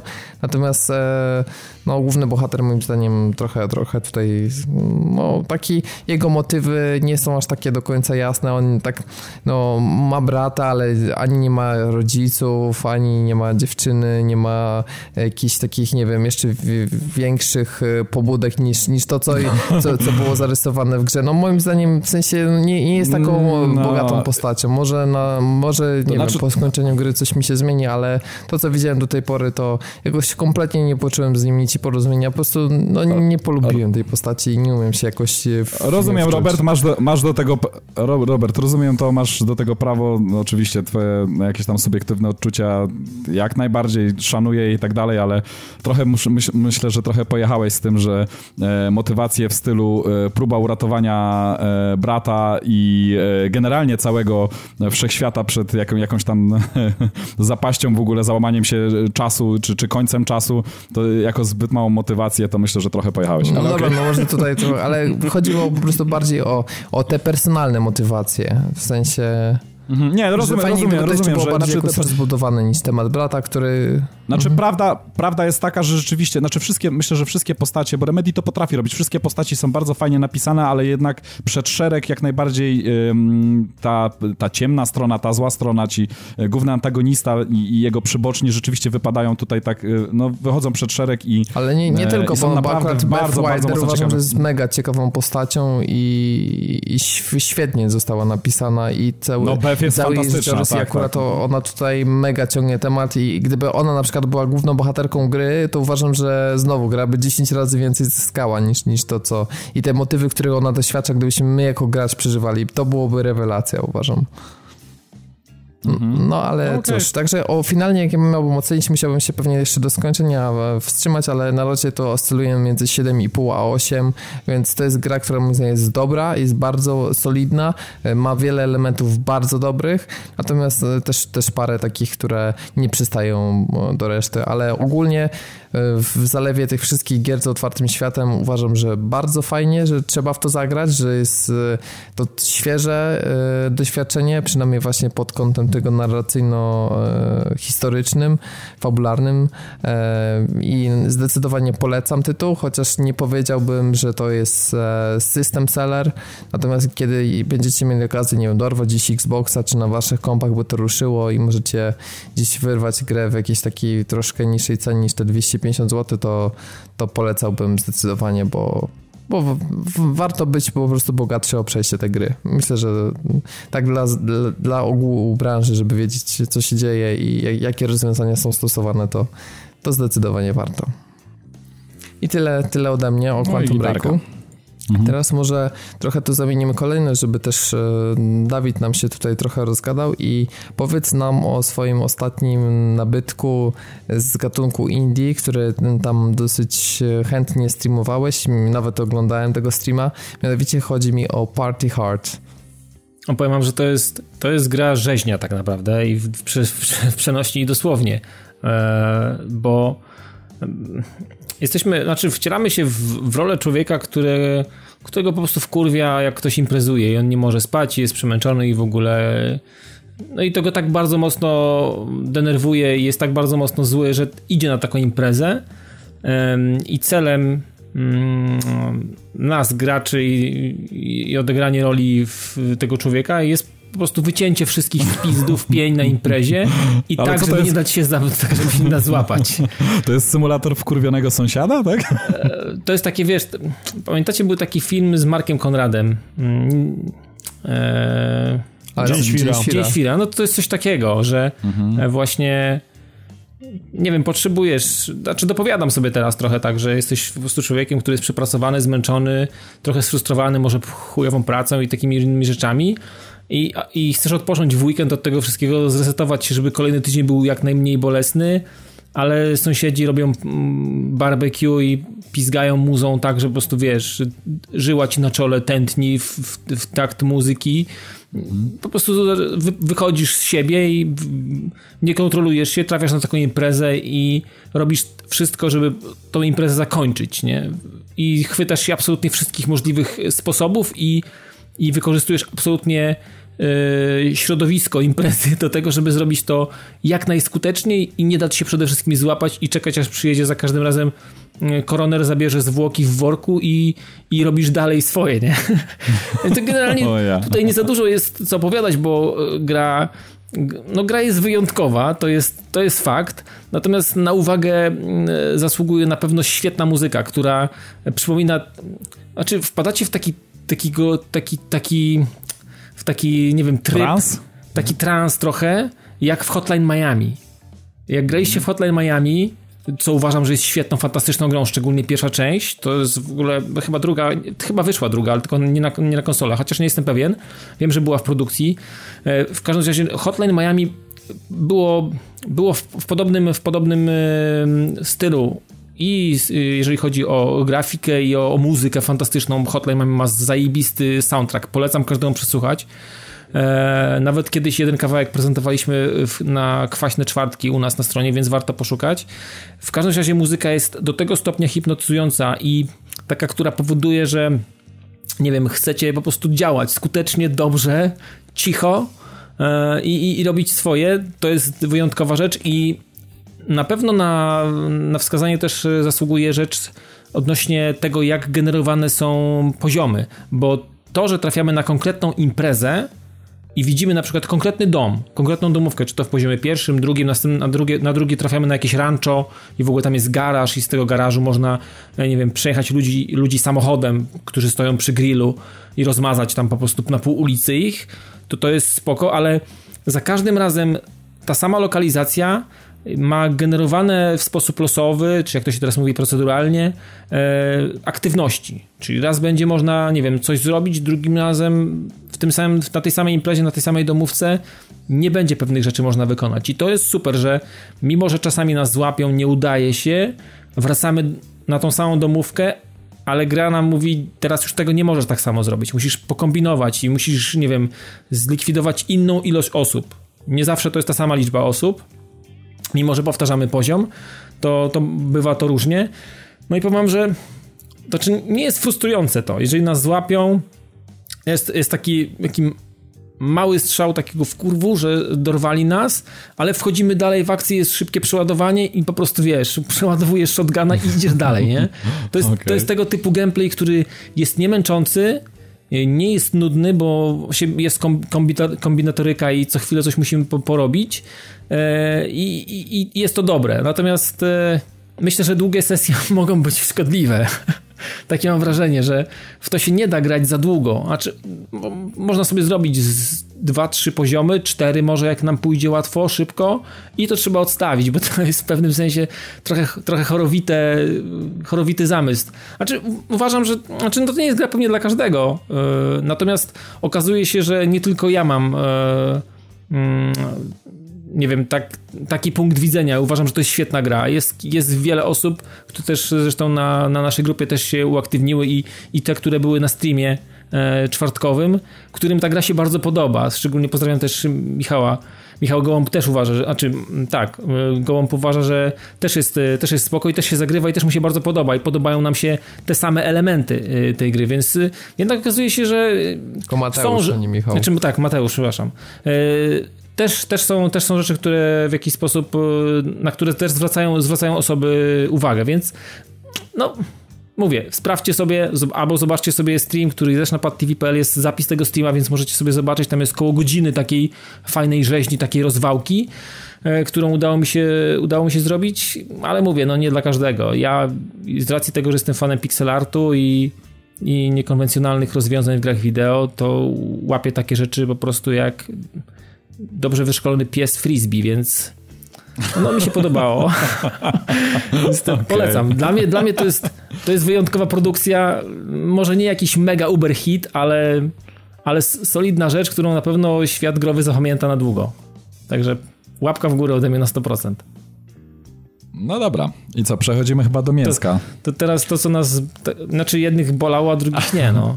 No, no właśnie, to, to, jest, to jest bardzo ciekawe. Ale to, ale to dobrze, no, to znaczy nie będzie Dawno nie było takiej polaryzacji w ekipie, a mhm. tak się składa, że wszyscy zagraliśmy w betę Overwatch, która notabene jest przedłużona o jeden dzień kolejny, także możecie pograć nie tylko e, do, do 10, 10 tak? Mhm. Znaczy chyba do 10 będzie, tak. Włącznie. Mhm. Mhm. Tam pewnie reset serwerów nawet ktoś 11 rano jeszcze jak się uprze, to, to pewnie pogra.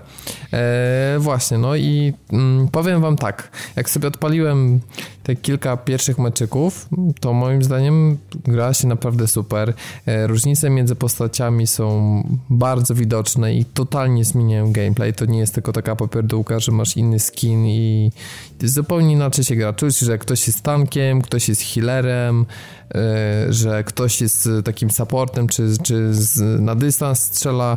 Fajnie to jest odczuwalne, skille są pod to też podyktowane i tak naprawdę e, myślę, że osoby, które właśnie będą tak chciały jednak opanować przynajmniej ze 3-4 różnego rodzaju postaci i na przykład w trakcie meczu też zmieniać e, w zależności od tego, jakie jest zapotrzebowanie. Myślę, że to, to jest fajny pomysł na gameplay i to daje dużo świeżości. Uważam, że to jest najmocniejszy punkt Overwatcha. Nie wiem, czy się z, z tym zgodzicie. Ja, ja się znaczy, mogę zgodzić. Znaczy, ja mówisz, tylko powiem... o, mówisz, o, mówisz o postaciach?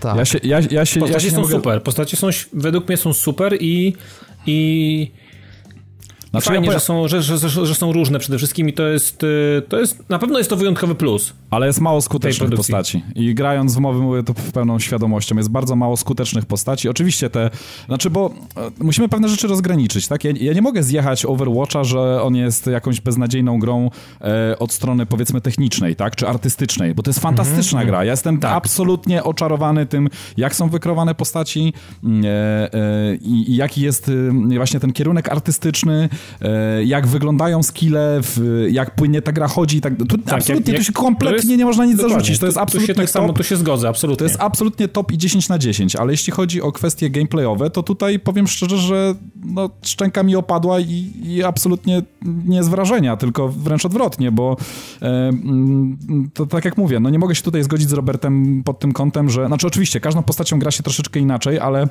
Moim zdaniem, być może to się zmieni w finalnej wersji, e, skille specjalnie nie mają zbyt dużego znaczenia u większości postaci, bo one specjalnie dużo nie wnoszą do, do rozgrywki, tak? Nie, nie powodują, nie czuć tego tak jak na, na przykład w takich typowych, znaczy właśnie, bo podstawowe pytanie to jest takie, czy powinniśmy o tej grze mówić jako mobie, bo chyba no nie. właśnie, wydaje mi się, że nie. Blizzard sam nie. mówi, że to nie jest kompletnie moba. No właśnie, myślę, właśnie, bo to jest, bo to jest bardziej taki... powinniśmy bardziej patrzeć tak. na zasadzie chyba shootera, arena-based taki taki, wiesz, shooter, nie? No tak, no ale, tu, ale tutaj, wiecie, no ale to nie jest taki typowy shooter, dlatego że w typowym shooterze to tak naprawdę zmienialibyśmy tylko arsenał, a tutaj e, nie tyle zmienia nam się e, arsenał, co, mm, e, co jakby taki wachlarz umiejętności i tego, właśnie tak jak mówiłeś, tak, kim dana postać jest, jaką, jaką rolę ma, tak, bo w takim typowym shooterze to wiecie, no tak naprawdę wybieramy, czy chcemy mieć, nie wiem, shotguna, czy SMG, czy, czy nie wiem, czy snajperkę i właściwie to definiuje, definiuje jak gramy, a tutaj jakby te mechaniki są mm, stworzone w taki sposób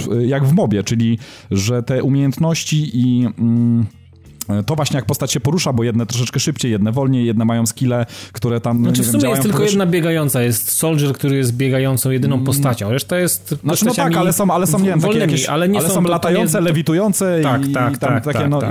czyli to już bardziej przypomina mobę moim zdaniem niż shooter, czyli właśnie taki podział na, mm, na rolę. I właściwie znaczy to jest chyba jedyny element, który został zaczerpnięty z moby, bo, bo, Jedyny. ni- bo, bo nic, nic poza tym. I moim zdaniem tak naprawdę ograłem sobie no prawie wszystkie y, y, postaci, tam jakoś, znaczy oczywiście może nie w...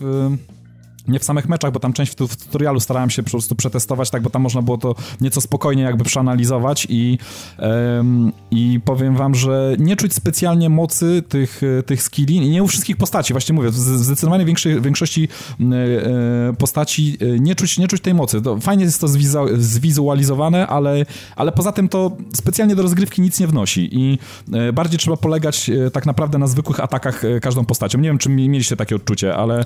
Wiesz co, ja jeszcze jedną rzecz do tego dodam Mhm. wszystkiego.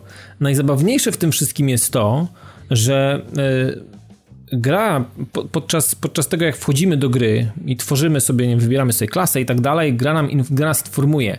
Słuchaj, w twojej, twojej drużynie nie ma tanka, w twojej drużynie nie ma Tak, jakiegoś tak. tam healera. I świetnie. Wszyscy kładą na to żywiecką podwędzaną i wchodzimy do gry i kurwa nadal wygrywamy. Czyli okazuje się, że mm, tak naprawdę sam Blizzard powiedział, że korowo gra i tym jak ona już się teraz prezentuje, praktycznie nic nie ulegnie zmianie oprócz tego, że dojdą mecze rankingowe i pewnie będą jakieś drobne, mm, drobne pokręcanie trybikami, żeby to doszlifować, y, zbalansować rozgrywkę, nie wiem, y, pewne rzeczy pewnie znerfić, pewne rzeczy podkręcić i No tak bo dalej. żeby balans to... leży, balans leży, absolutnie Tak, bo, moim bo zdaniem. Mhm. tego tutaj generalnie w tej chwili nie mamy i ciężko mówić o czymś, nie wiem, czy grasz z randomami, czy grasz z kraną drużyną. Ja tak naprawdę powiem wam, że rozegrałem mm, no kil, kilkanaście, albo może, może koło, może, no tak, raczej koło 20 meczy i ja tak naprawdę żadnego nie przegrałem, a grałem z randomami całkowicie. Więc No tak, tak, znaczy- tu, tutaj bo- ja tak naprawdę nie wiem, nie wiem dlaczego my wygraliśmy tak naprawdę. Nie wiem dlaczego Ja- znaczy, nie, nie czuć pewnego jakby nie czuć to, że nie czuć progresu, tego, że nie wiem, przydajemy się na polu walki, że wpływamy faktycznie na coś, że o czymś decydujemy, że No e, właśnie. Przy, przydajemy się w grze. No- to, to mnie zawiodło bardzo. Tak naprawdę Dawid, ja ja, właśnie- ja grałem, Mhm. strzelałem, zabijałem, ale nie wiem, czy grałem dobrze, czy grałem źle, czy mogłem grać lepiej, czy mogłem grać gorzej. E, Da, Dawid, ja do tego właśnie chciałem nawiązać. Powiem ci, że w tej grze czuć naprawdę, a mówię tutaj jako weteran y, takiej rozgrywki, powiedzmy może nieco bardziej taktycznej, gdzie rzeczywiście to, jaką rolę wybieramy, mówię tutaj o mobach oczywiście, gdzie to, jaką rolę wybieramy, jakie itemy, y, jakie taktyki stosujemy, ma naprawdę duże znaczenie. Tutaj tego nie czuć, tu nie ma żadnej taktyki. Mhm. Jest jeden wielki chaos na ekranie. Każdy biega, naciska wszystkie przyciski naraz po prostu, żeby tam się działy jakieś fajne, kolorowe rzeczy na ekranie i to właściwie tyle, bo Ale to zauważ... efekt tego, że ludzie nie znają tej gry. No moim zdaniem to Mm, trochę no na, na wiem. wyrost tutaj narzekacie. Znaczy, ja, zau- ja zauważyłem coś takiego, że... Znaczy, bo, dla bo mnie ta gra jest bardzo nudna. No jest nudna, bo tak naprawdę wszystko się ogranicza do, e, do biegania do pewnych punktów, e, e, takich, w których jedni bronią, drudzy atakują, powiedzmy, i naparzanie czym się da. I jedyne jakieś tam ślady taktyki, jakie zauważyłem, to to, że można na przykład wejść na jakąś wyższą kondygnację i rzucać tymi skillami czy atakami po prostu z wyższej kondygnacji. I to właściwie się praktycznie ogranicza tylko do tego. I, i powiem wam, że znaczy, ja bym nie miał nic przeciwko tego typu rozgrywce, bo na przykład tego typu rozgrywka jak najbardziej sprawdza się już od lat, od wielu, wielu lat przecież w, w takim e, absolutnym klasyku, jakim jest Counter-Strike i, i, i nie miałbym nic do tego, ale tutaj mamy taki wachlarz postaci, taki wachlarz umiejętności i tak naprawdę to wszystko kompletnie nie ma znaczenia, bo oprócz fantastycznych e, wizuali, wizualiów e, i i tego, co, co oglądamy na ekranie i podziwiamy w, w przepięknych 60 e, płynnych klatkach na sekundę, to nic to więcej nie wnosi, kompletnie. No to, to jest taka wydmuszka tak naprawdę, gdzie nie, absolutnie nie ma znaczenia, kim my gramy, jak my gramy, bo, bo ja nie wiem właściwie, co decyduje o tej wygranej. No, A ja się absolutnie nie zgodzę. Nie, no, co, co, no, nie, ma, nie ma szans po prostu. Mhm. Nie, bo tak na dobrą sprawę, nie wiem ile wtopiłem tak na dobrą sprawę w ten mhm. weekend w tę grę. 8 godzin jakieś, może nawet trochę więcej. I grałem naprawdę z wieloma osobami, z randomami, z całymi teamami. I w momencie, kiedy team naprzeciwko był ogarnięty, a my, jako, jako drużyna złożona z randomów, nie dostosowaliśmy się do tego, to dostawaliśmy taki wpierdziel, że po prostu aż trzeszczało. Były osoby, które tracerem, gdzie ja ginąłem po prostu po trzech strzałach i nie potrafiłem zrobić nic, co mnie strasznie frustrowało. Były osoby, które tracerem robiły 24 kile w jednym meczu. Trzeba umieć przede wszystkim. Ja znalazłem swoją klasę, dla mnie to był Bastion i Bastionem naprawdę grało mi się bardzo sympatycznie i wiedziałem, co robię i się doskonale w tym odnajdywałem. A dopóki tego nie znalazłem, po prostu się gubiłem i dostawałem w pierdzie jak jasna cholera. Nie wiem, może to też jest kwestia taka, że na PlayStation ludzie byli, no z całym szacunkiem, ale trochę bardziej ogarnięci. Nie wiem, nie wiem, może dłużej trwała beta, bo była otwarta dla, dla, dla ludzi, którzy złożyli preordery i takich jest więcej na PS4. Nie mam zielonego pojęcia, ale po prostu osoby, które mają skilla, które się odnajdują w danej postaci, grają milion razy lepiej niż ci, którzy po prostu na pałę wpadają, biorą o, Tracer, bo jest ładna i była na zwiastunach, tak jak ja zrobiłem na początku. Ale ja chcę, no, ja, ja, chcę, ja, chcę, ja, chcę, się, ja chcę się zapytać o jedną rzecz, bo yy, no mówię, no jako, znaczy ja wiem, że ja ciągle wracam do tego porównania z mobą, ale to tylko robię dlatego, że rzeczywiście ta, w, w, w większości mob, m, e, gier typu MOBA czuć rzeczywiście taktyki, to, że klasa, klasa wpływa na coś, to, że skille mają konkretną moc i trzeba je używać w odpowiednich momentach, żeby, żeby mm, odczuć odpowiednie efekty, tak, i, i nie wiem, i, mhm. i rozegrać odpowiednie taktyki i ten a gameplay jest naprawdę... kiedy się naładuje. A tutaj pizgasz, kiedy się naładuje i ja nie, pizgasz, nie? Powiem tak, wam tak, tak. Moje, moje główne odczucie z tej gry. Możesz tak Więcej robić, kilów, ale to nie jest powiedziane, że to ci da przewagę między tym gościem, więcej... ale ten gościu, który wie, kiedy tego użyć, to cię rozwali. Ale posłuchajcie, więcej killów robi się tak naprawdę zwykłymi atakami niż tymi skillami w ogóle. I te skille naprawdę moim zdaniem mają o wiele mniejsze znaczenie niż powinny mieć. Mam nadzieję, jeżeli to zbalansują, to być może wtedy gra y, zyska taki pazur i jakiś konkretny charakter, ale moim zdaniem najwięcej się tak naprawdę y, y, tłucze killi zwykłymi atakami. Skille no naprawdę mają mało, skille skille mają mało znaczenia. Bardzo mało znaczenia. Gdzie ma ataku jak w, na przykład w takim, nie wiem, Heroes of the Storm na przykład. Szymon, ty cały mhm. czas zapominasz, że to nie jest MOBA. No, ja właśnie. wiem, ja wiem. Może, może to, to jest jednak FP. Właśnie o to chodzi, że głównie strzelasz, tak? No tak, tak, tak, tak, dokładnie. Wiecie co, ja powiem wam, że mam strzelanie z łuku na mi się też podobały. Było bardzo skillowe i w momencie, kiedy jakiegoś snajpera ustrzeliłem daleko, to była mega satysfakcja i, i tym bardzo fajnie mi się... A jak wam, a jak tak wam się, podoba, się a jak wam się podoba nagroda za levelowanie? E, w sensie, że dostaje jakieś skórki emotki. Tak. No. Kompletnie beznadziejne. No to jest kurwa kubeł uszamba. Mhm. Wiecie co, ja uważam, że e, Overwatch jednak sprawdziłby się lepiej mimo wszystko w e, formule free to play, dlatego, że mi Overwatch by się super podobał, ale do grania na takie sesje pół godziny do max godzinki, takie na taki relaks po ciężkim dniu, po prostu no ta gra tak idealnie mnie relaksuje i nawet kiedy dostaję w pierdziel, to jakoś nie, nie powoduje to frustracji, tak jak w niektórych grach multi, tylko raczej właśnie zachęca do wyszukania w dobrej klasy dla siebie, nie wiem, poznania lepiej mapy i tak dalej, tak, tych skilli i tak dalej, i tak dalej. A propos końca e... meczu, to powiem wam, że bardzo mi się podoba ten motyw, gdzie pokazują jakby najlepszą akcję e, jakie któregoś e, z członków drużyny, e, czy, tam, czy, czy graczy, tak, tak, I, i, i to, bo naprawdę te akcje wyglądają czasami, no spektakularnie, fajnie to wygląda i oraz później tam te lajki, które możemy puszczać w konkretnego gościa, tak, za to jak gra. Ciekawe, co... czy to dostaje jakieś bonusy za te lajki, czy to jest tylko takie... Nie, nie, nie, nie. chyba nie, nie, nie widziałem, żeby bonusy... to się przekładało na cokolwiek. Nie wiem, czy bonusy, ja wam powiem, że na przykład w LoLu funkcjonuje coś takiego, czy tam w Docie, że jeżeli lajkujemy ludzi, powiedzmy, za dany mecz, czyli to, to za jak, w jaki sposób grali, w jaki sposób nas wspierali i tak dalej, w jaki sposób ciągnęli team, team do przodu, no, to powoduje, że, że taki rośnie jakby ranking e, danej postaci, że, znaczy danego gracza, że wiemy, że później jest to oznaczone, że jak gramy z tym typem, to, to wiemy, że to jest naprawdę e, ktoś, z kim warto grać. I jeżeli Tylko widzisz, tam jest jeżeli trochę inaczej. wprowadzą, to by było fajnie. No, to, to... Bo tam widzisz, ile ludzie, nie wiem, zrobili asyst, ile zebrali golda, czy cokolwiek. Tam jest mhm. masa statystyk, które mówisz, tak, o tak, tak. kurwa, tak. ten koleś zrobił tyle kili, ani razu nie zginął, mhm. tu jeszcze asysty y, i tutaj jeszcze nazbierał, no nie wiem, jeszcze waluty, więc tak. ma szacunek. A tu tak naprawdę lajkuje kogoś, kto go kurwa nie pamiętam w ogóle z gry, nie? No, czasem tak jest, rzeczywiście, to prawda. I że, teraz że mam, tyle się mam, dzieje, mam, że w zasadzie... I tak naprawdę ja nie wiem, kogo mam nagrodzić, bo tak samo jak patrzyłem kilka razy na ten właśnie zagranie meczu, no to zagranie meczu to jest na przykład streak pod rząd na 3 kile na przykład, bo ktoś mu tam wyleciał. No okej, okay, mm. no to nie był jakiś, wiesz, przełom w meczu, nie wydarzył się, bo tak naprawdę tutaj kile to nawet nie wiesz, kto ile zabił, bo nie ma tej statystyki i nie znaczy, wiesz, czy to... Znaczy naj, najczęściej, najczęściej chyba pokazuje te, tą osobę, która powiedzmy e, e, robi tutaj jakieś takie combo na zasadzie właśnie zgrania właśnie, 3 czy 4, przykład, 4 A teraz osoby, wyobraź tak? sobie, że na przykład jak grałem healerem i dzięki temu, nie wiem, praktycznie nikt nie padał, to gra nie nagradza mnie w żaden sposób za to. No nie, nie, nie, nie, no to prawda. Więc no, Także? wiecie co, nie wiem, no, nie chcę, nie chcę w to grać po prostu. Wywaliłem to już nawet z dysku i wydaje mi się, że to, nawet za darmo nie będę chciał w to grać. To nie jest gra absolutnie dla mnie, a już te, dar, te darmowe skórki, jakieś pozycje, jakieś kurwa, jakieś spreje, kurwa, Znaczy ja wam powiem, że, grochy, że kurwa, znaczy, to uważam, że to. powinno być wszystko płatne, jako w mikrotransakcje i uważam, że nie sądziłem, że to kiedyś powiem, ale mi naprawdę Overwatch byłby łatwy, jedną z fajniejszych właśnie gier free to play i byłoby bardziej niezobowiązująco niż wydawanie 250 zł, gdzie to już cię tak motywuje, żeby mega w to wsiągnąć. ja bym chciał tak sobie casualowo popykać raz na jakiś czas, pół godzinki, godzinkę, ja mam... akurat ktoś gra, albo mm -hmm. po mhm. prostu na taki relaks, a nie wchodzić w to jako pełnoprawną premierę. Tym bardziej, że ja... to jest jednak tylko multi z paroma trybami. Ja mam, ja no, mam, tak bym powiedział. Ja mam, powiem wam takie odczucie, że u mnie, u mnie tak, że tak powiem, ten wykres spada ciągle w dół na łeb, na szyję i z każdym meczem jest coraz gorzej, bo powiem wam tak, przed premierą byłem absolutnie zajarany, bo...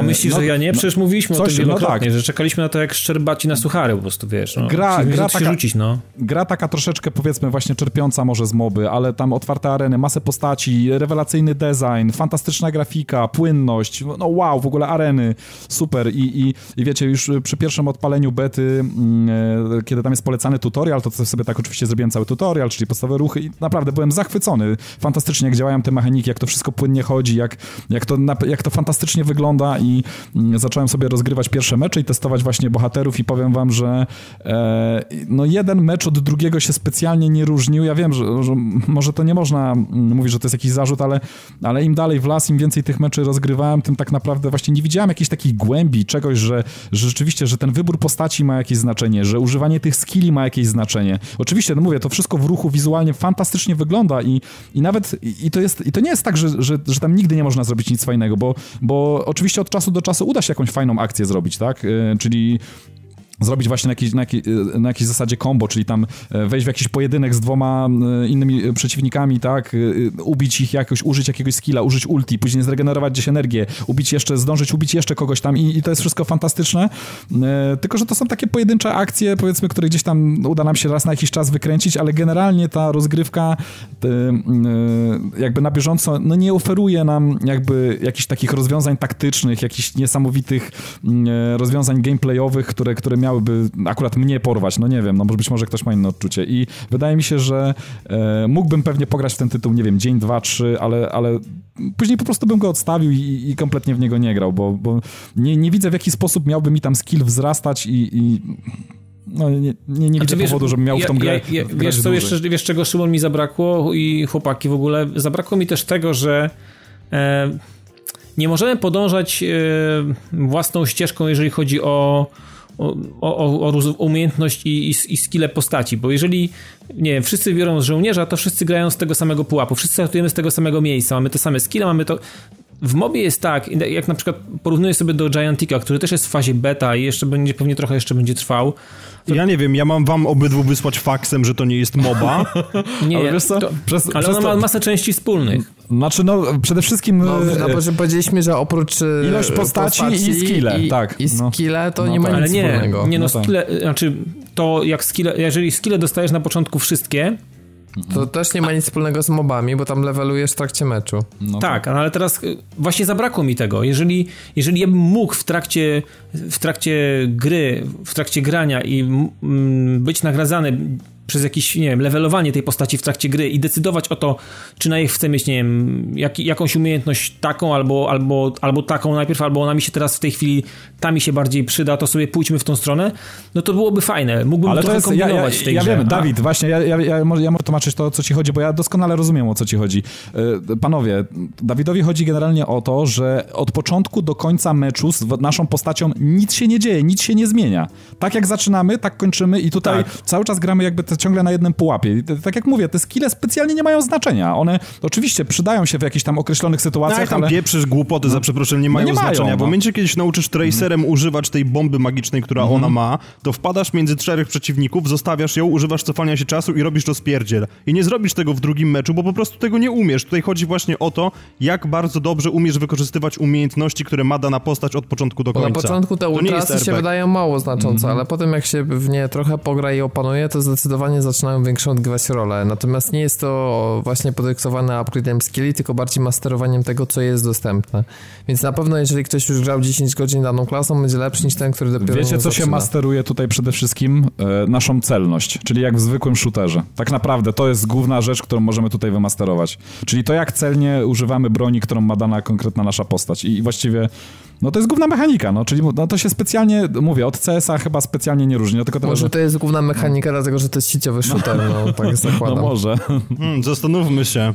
No nie wiem, ja... Który ma wiecie tylko co? Dobrze, urozmaicające ja, do moby. Ja ja już... Czy, czy, Team Fortress był e, krytykowany za to, że nie ma upgrade'u skilli Słuchajcie, ja już może nie będę narzekał więcej, ale powiem wam, że to jest chyba wszystko podyktowane tym, że ja się spodziewałem całkowicie innej gry i dostałem całkowicie coś innego. Spodziewałeś się moby i dostałeś A dostałem taką... shootera, mimo że powiedzieli, że to dostałem, będzie shooter. Dostałem spłyconego shootera tak naprawdę, który, no poza, mówię, tymi e, aspektami, bo to jest absolutnie, tutaj jeszcze raz to podkreślę, 10 na 10 jak dla mnie, jeśli chodzi o wizualia, technika to jak to chodzi, działa, wygląda, super. To jest w ogóle setting, rewelacja. Ja powiem wam, że jestem... Nawet polski dubbing jest wpyty. E, tak, jasne, polski dubbing jest wpyty. Ja wam powiem e, od pierwszego momentu, kiedy jeszcze nie pokazali gry nawet, tylko kiedy, pamiętacie tą animację w stylu Pixara? Ja po prostu, no, zakochałem się w tym tytule od razu. W, w, w tym samym momencie, w którym ten pierwszy trailer wypuścili, taki właśnie w stylu Pixarowym. No, rewelacja, po prostu rewelka. No i niestety, no, sam gameplay, no ja się czuję zawiedziony, niestety. No, to nie jest tytuł dla mnie i jeżeli nic nie zmienią w gameplayu, nie wiem, nie zbalansują tego, nie poczuję, że rzeczywiście... No nie zmienią, znaczy generalnie mają niczego nie zmieniać, generalnie będą lekkie, delikatne tweaki, ma dojść mm, tryb rankingowy i i nie za dużo ma się dziać no to Dawid, no, no, to Dawid nie za 250 zł, no sorry, nie. No za, da, no za, nie, nie, nie, za darmo okej, okay, ja bym mógł w to od czasu do czasu zagrać, ale nie wydam 250 zł na grę, w którą miałbym ochotę może zagrać od czasu do czasu tylko z y, grupą y, znajomych. Bo właściwie tylko z grupą znajomych. No właśnie, no. to jest ten problem i dla mnie ja uważam, że ta gra albo w, jako cyfrowa premiera, albo free to play nawet by się lepiej sprawdziła i sądzę, że e, wątpię, żebym w to chciał grać, nie wiem, przez rok czy cały czas. No zobaczymy ile będzie update'ów, ale mi się to podoba to co jest, ale mówię, nie, nie aż na tyle, żeby uzasadniać e, wydatek na premierę. Nie wiem jak to Ja niestety ciebie, absolutnie, a, absolutnie się z tym zgodzę. To jest fajna gra, to jest trochę dla mnie gra taka pokroju Battlefronta. Już nie pamiętam kto dokładnie dokładnie to powiedział, ale mówił, że Battlefront jest zły na długie posiedzenia, że to jest spoko gra, żeby sobie do niej usiąść, zagrać dwa, trzy mecze, bo masz akurat pół godziny i zostawić ją na kolejne, nie wiem, trzy tak, tygodnie. Ja, ja tak uważam. I wydaje mhm. mi się, że, że właśnie Overwatch jest grą dokładnie tego samego typu i gdyby było to free to play, to byłoby naprawdę super. Ja zastanawiałem się dość mocno nad zakupem, tylko że oczywiście rozważyłem tutaj fakt, że trzeba mieć ekipę, trzeba właśnie grać z tą ekipą, trzeba masterować te skille i tak dalej, i tak dalej. I po prostu wydaje mi się, że no nie będzie to zbyt możliwe, żeby mieć właśnie tą daną taką zgraną ekipę, z którą zawsze będziemy grali, e, więc po prostu no Overwatcha na pewno na premierę nie kupię, chociażby z tego względu, że jest priorytet finansowy w postaci Uncharted, Uncharted 4, 4. który ma premierę 10 maja już, także tuż za rogiem. E, ale jeszcze zanim o premierach powiemy, to ostatni tytuł. Dzisiaj taki też wypasiony odcinek, jak sami widzicie, pewnie dobijemy prawie do dwóch godzin. The Park. E, znaczy, no tak. No tak, The Park, który został ograny przez Dawida na Xbox One, ale zdaje się, że jest to też gra dostępna na, na PS4, tak mi się wydaje. I na PC. Że, znaczy ona generalnie w ogóle chyba z, z PC się wywodzi i miała, miała jest premierę. To jest ten tak? horror? Właśnie, chciałem zapytać. Y, tak, A, to, to, jest, ten horror, okej, okay, I... I to miało premierę pod koniec ubiegłego roku na PC-tach, na PC-tach bodajże w październiku czy w listopadzie, jakoś tak nie pamiętam dokładnie, bo przyglądałem się tej grze od, od jakiegoś czasu, potem mi gdzieś tam zleciała, wiecie, e, z osi i nagle się, nagle wskoczyła do stora, więc e, już bardzo się ucieszyłem i i kodzik na, do recenzji też wpadł szybko i nie było z tym problemu. Natomiast, wiecie co, bardzo fajny horror, bo przede wszystkim mm, w świetnym, świetnie jest osadzony, bo wszystko się dzieje w takim e, wesołym miasteczku, które jest po prostu nieczynne i odgrywamy, właściwie wcielamy się postać e, e, kobiety, która do tego miasteczka przyjeżdża z synem i ten syn zagubił się gdzieś w tym, w tym miasteczku. Znaczy uciekł, biegał, cieszył się i tak dalej, i tak dalej i po prostu zniknął nam z, z oczu i i ciągle chodzimy, nawołujemy go i próbujemy, on tam co jakiś czas nam odpowiada i generalnie staramy się go dogonić i, i wiecie, no generalnie złapać go i po prostu wydostać się z tego, z tego miasteczka. No i w tym miasteczku oczywiście jak to w horrorach tego typu, jak nie wiem, e, w różnego rodzaju mm, nie wiem, nie wiem nawet do czego to porównać. W filmach, filmach, filmach klasy B. To nawet chyba nie jest tak, bo tu są takie Eee, to nie jest na przykład tak jak w Layers of Fear, że co chwilę, wiesz, chodzisz po jakiejś zamkniętej przestrzeni i, i to otwierasz takie drzwi, to coś wyskoczy albo nie wyskoczy, albo ci ktoś się z tyłu za plecami pojawi. To jest taki, to jest taki trochę sandbox, otwarte, to jest wszystko otwarte przestrzenie e, i, i możemy sobie dowoli po tym, po tym jakby parku w pewnych, w pewnych momentach chodzić. Oczywiście zdarza się tak, że trafimy do jakiegoś na przykład, nie wiem, domu strachów, nie? No i tam są jakieś lustra, schodzimy jakimiś schodami i tak dalej, i tak dalej.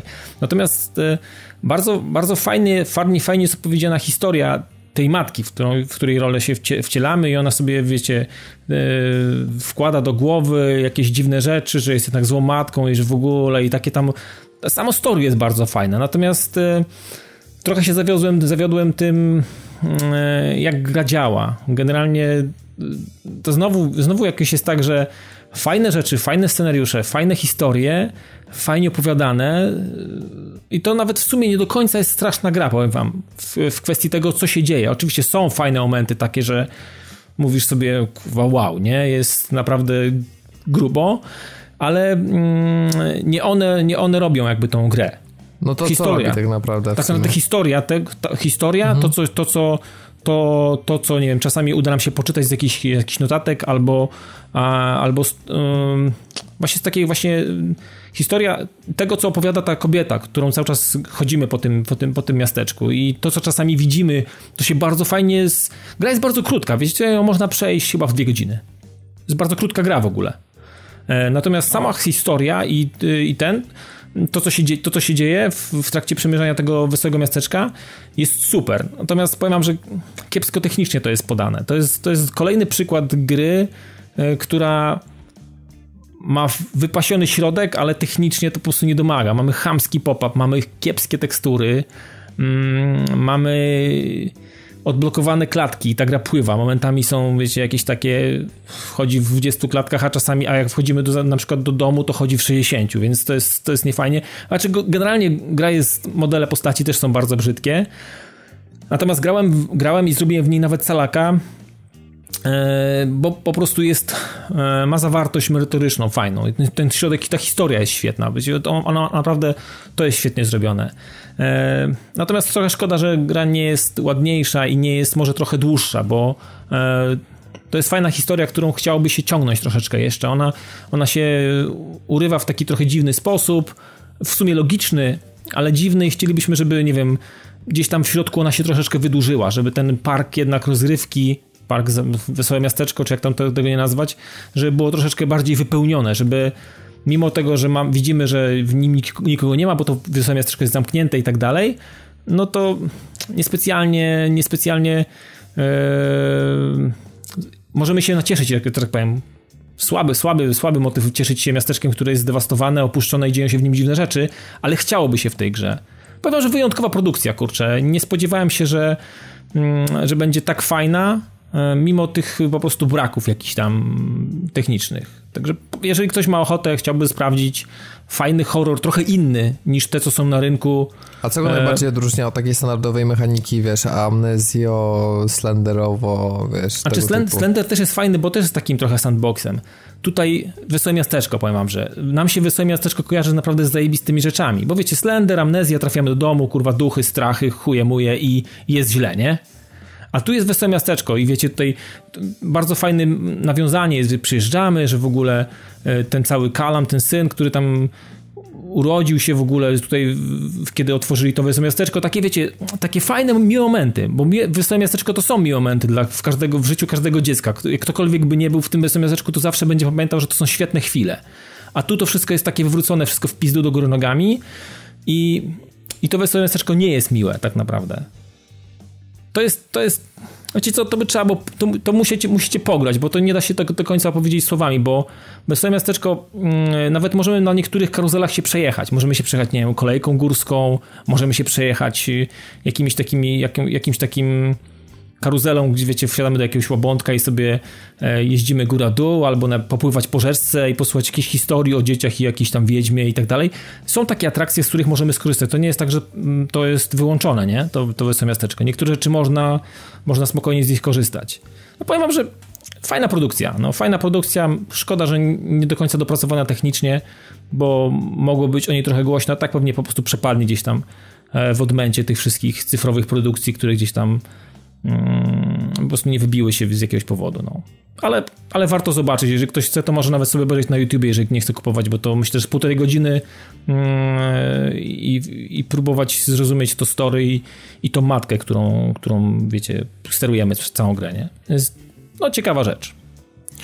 No, no to tym optymistycznym akcentem, chociaż zależy jak na to patrzeć, e, kończymy e, nasz dzisiejszy podcast. Jeszcze zanim zamkniemy, to jeszcze raz przypomnę, że 10 maja Uncharted 4, ale myślę, że to już nawet z lodówki wychodzi. już nie ma Niektórzy... Niektórzy już grają. No, no cóż, a niektórzy Powiedział człowiek, który nie ma PS4. No właśnie, nie wiem. Ale, ale słuchajcie w ogóle. Na Xboxie One, tak, we wstecznej kompatybilności. Słuchajcie, ale co, chyba e, w przyszłym odcinku uda nam się już zrecenzować, jak tak, mówicie. Tak, no my siedzimy z Piotrkiem, no bo zamierzamy wskoczyć teaser. E, w dniu premiery na Hype Train, więc no nie wiem na ile, na ile trwa historia, czy ona jest dłuższa niż w poprzednich częściach, ale jeżeli to będzie w takich realiach 12-15 godzin, to myślę, że, że uda mi się e, przynajmniej takie jedno, jedno podejście na normalu skończyć. Tak, tak, tak mi się wydaje. Natomiast jeszcze jakieś. No, myślę, że na pewno nie zrecenzujemy multi do tego czasu, bo E, nie, nawet nie odpalajcie. To, to sobie rozbijemy. Nie, ale nie, nie ja grałem w betę i dla mnie te multi w Uncharted to jest po prostu nikomu niepotrzebny multi komponent. nikogo. Dokładnie. Dokładnie. Hashtag nikogo. To, on to multi jest tak samo, tak samo fajne jak multi w Bioshocku drugim. Tak samo Tylko wiecie, jak kupuję sobie Uncharted 4, to mogę sobie tak niezobowiązująco pół godziny pograć w multi, a za Overwatcha muszę płacić 250 zł, czyli multi Uncharted jest lepsze niż Overwatch. Dziękuję. dobre, dobre, to było dobre podejście, dobre rozegranie. No tak. E, dobrym rozegraniem jest też wejście na patv.pl, dołączenie naszego wydarzenia związanego z 200 odcinkiem i z czwartymi urodzinami i śledzenie nas także w takich mediach jak Twitter, Facebook, Instagram, a słuchanie nas także w Red Rocket Network i w Radiu GRM. Także wszystko już od nas. Ja nazywam się Robert Fiałkowski, prowadziłem dzisiejszy podcast, a ze mną dzisiaj był Piotrek Modzelewski. Dzięki wielkie, hej. Szymon Zalichta. Trzymajcie się ciepło. I Dawid Maron. Dzięki i do usłyszenia pewnie za tydzień.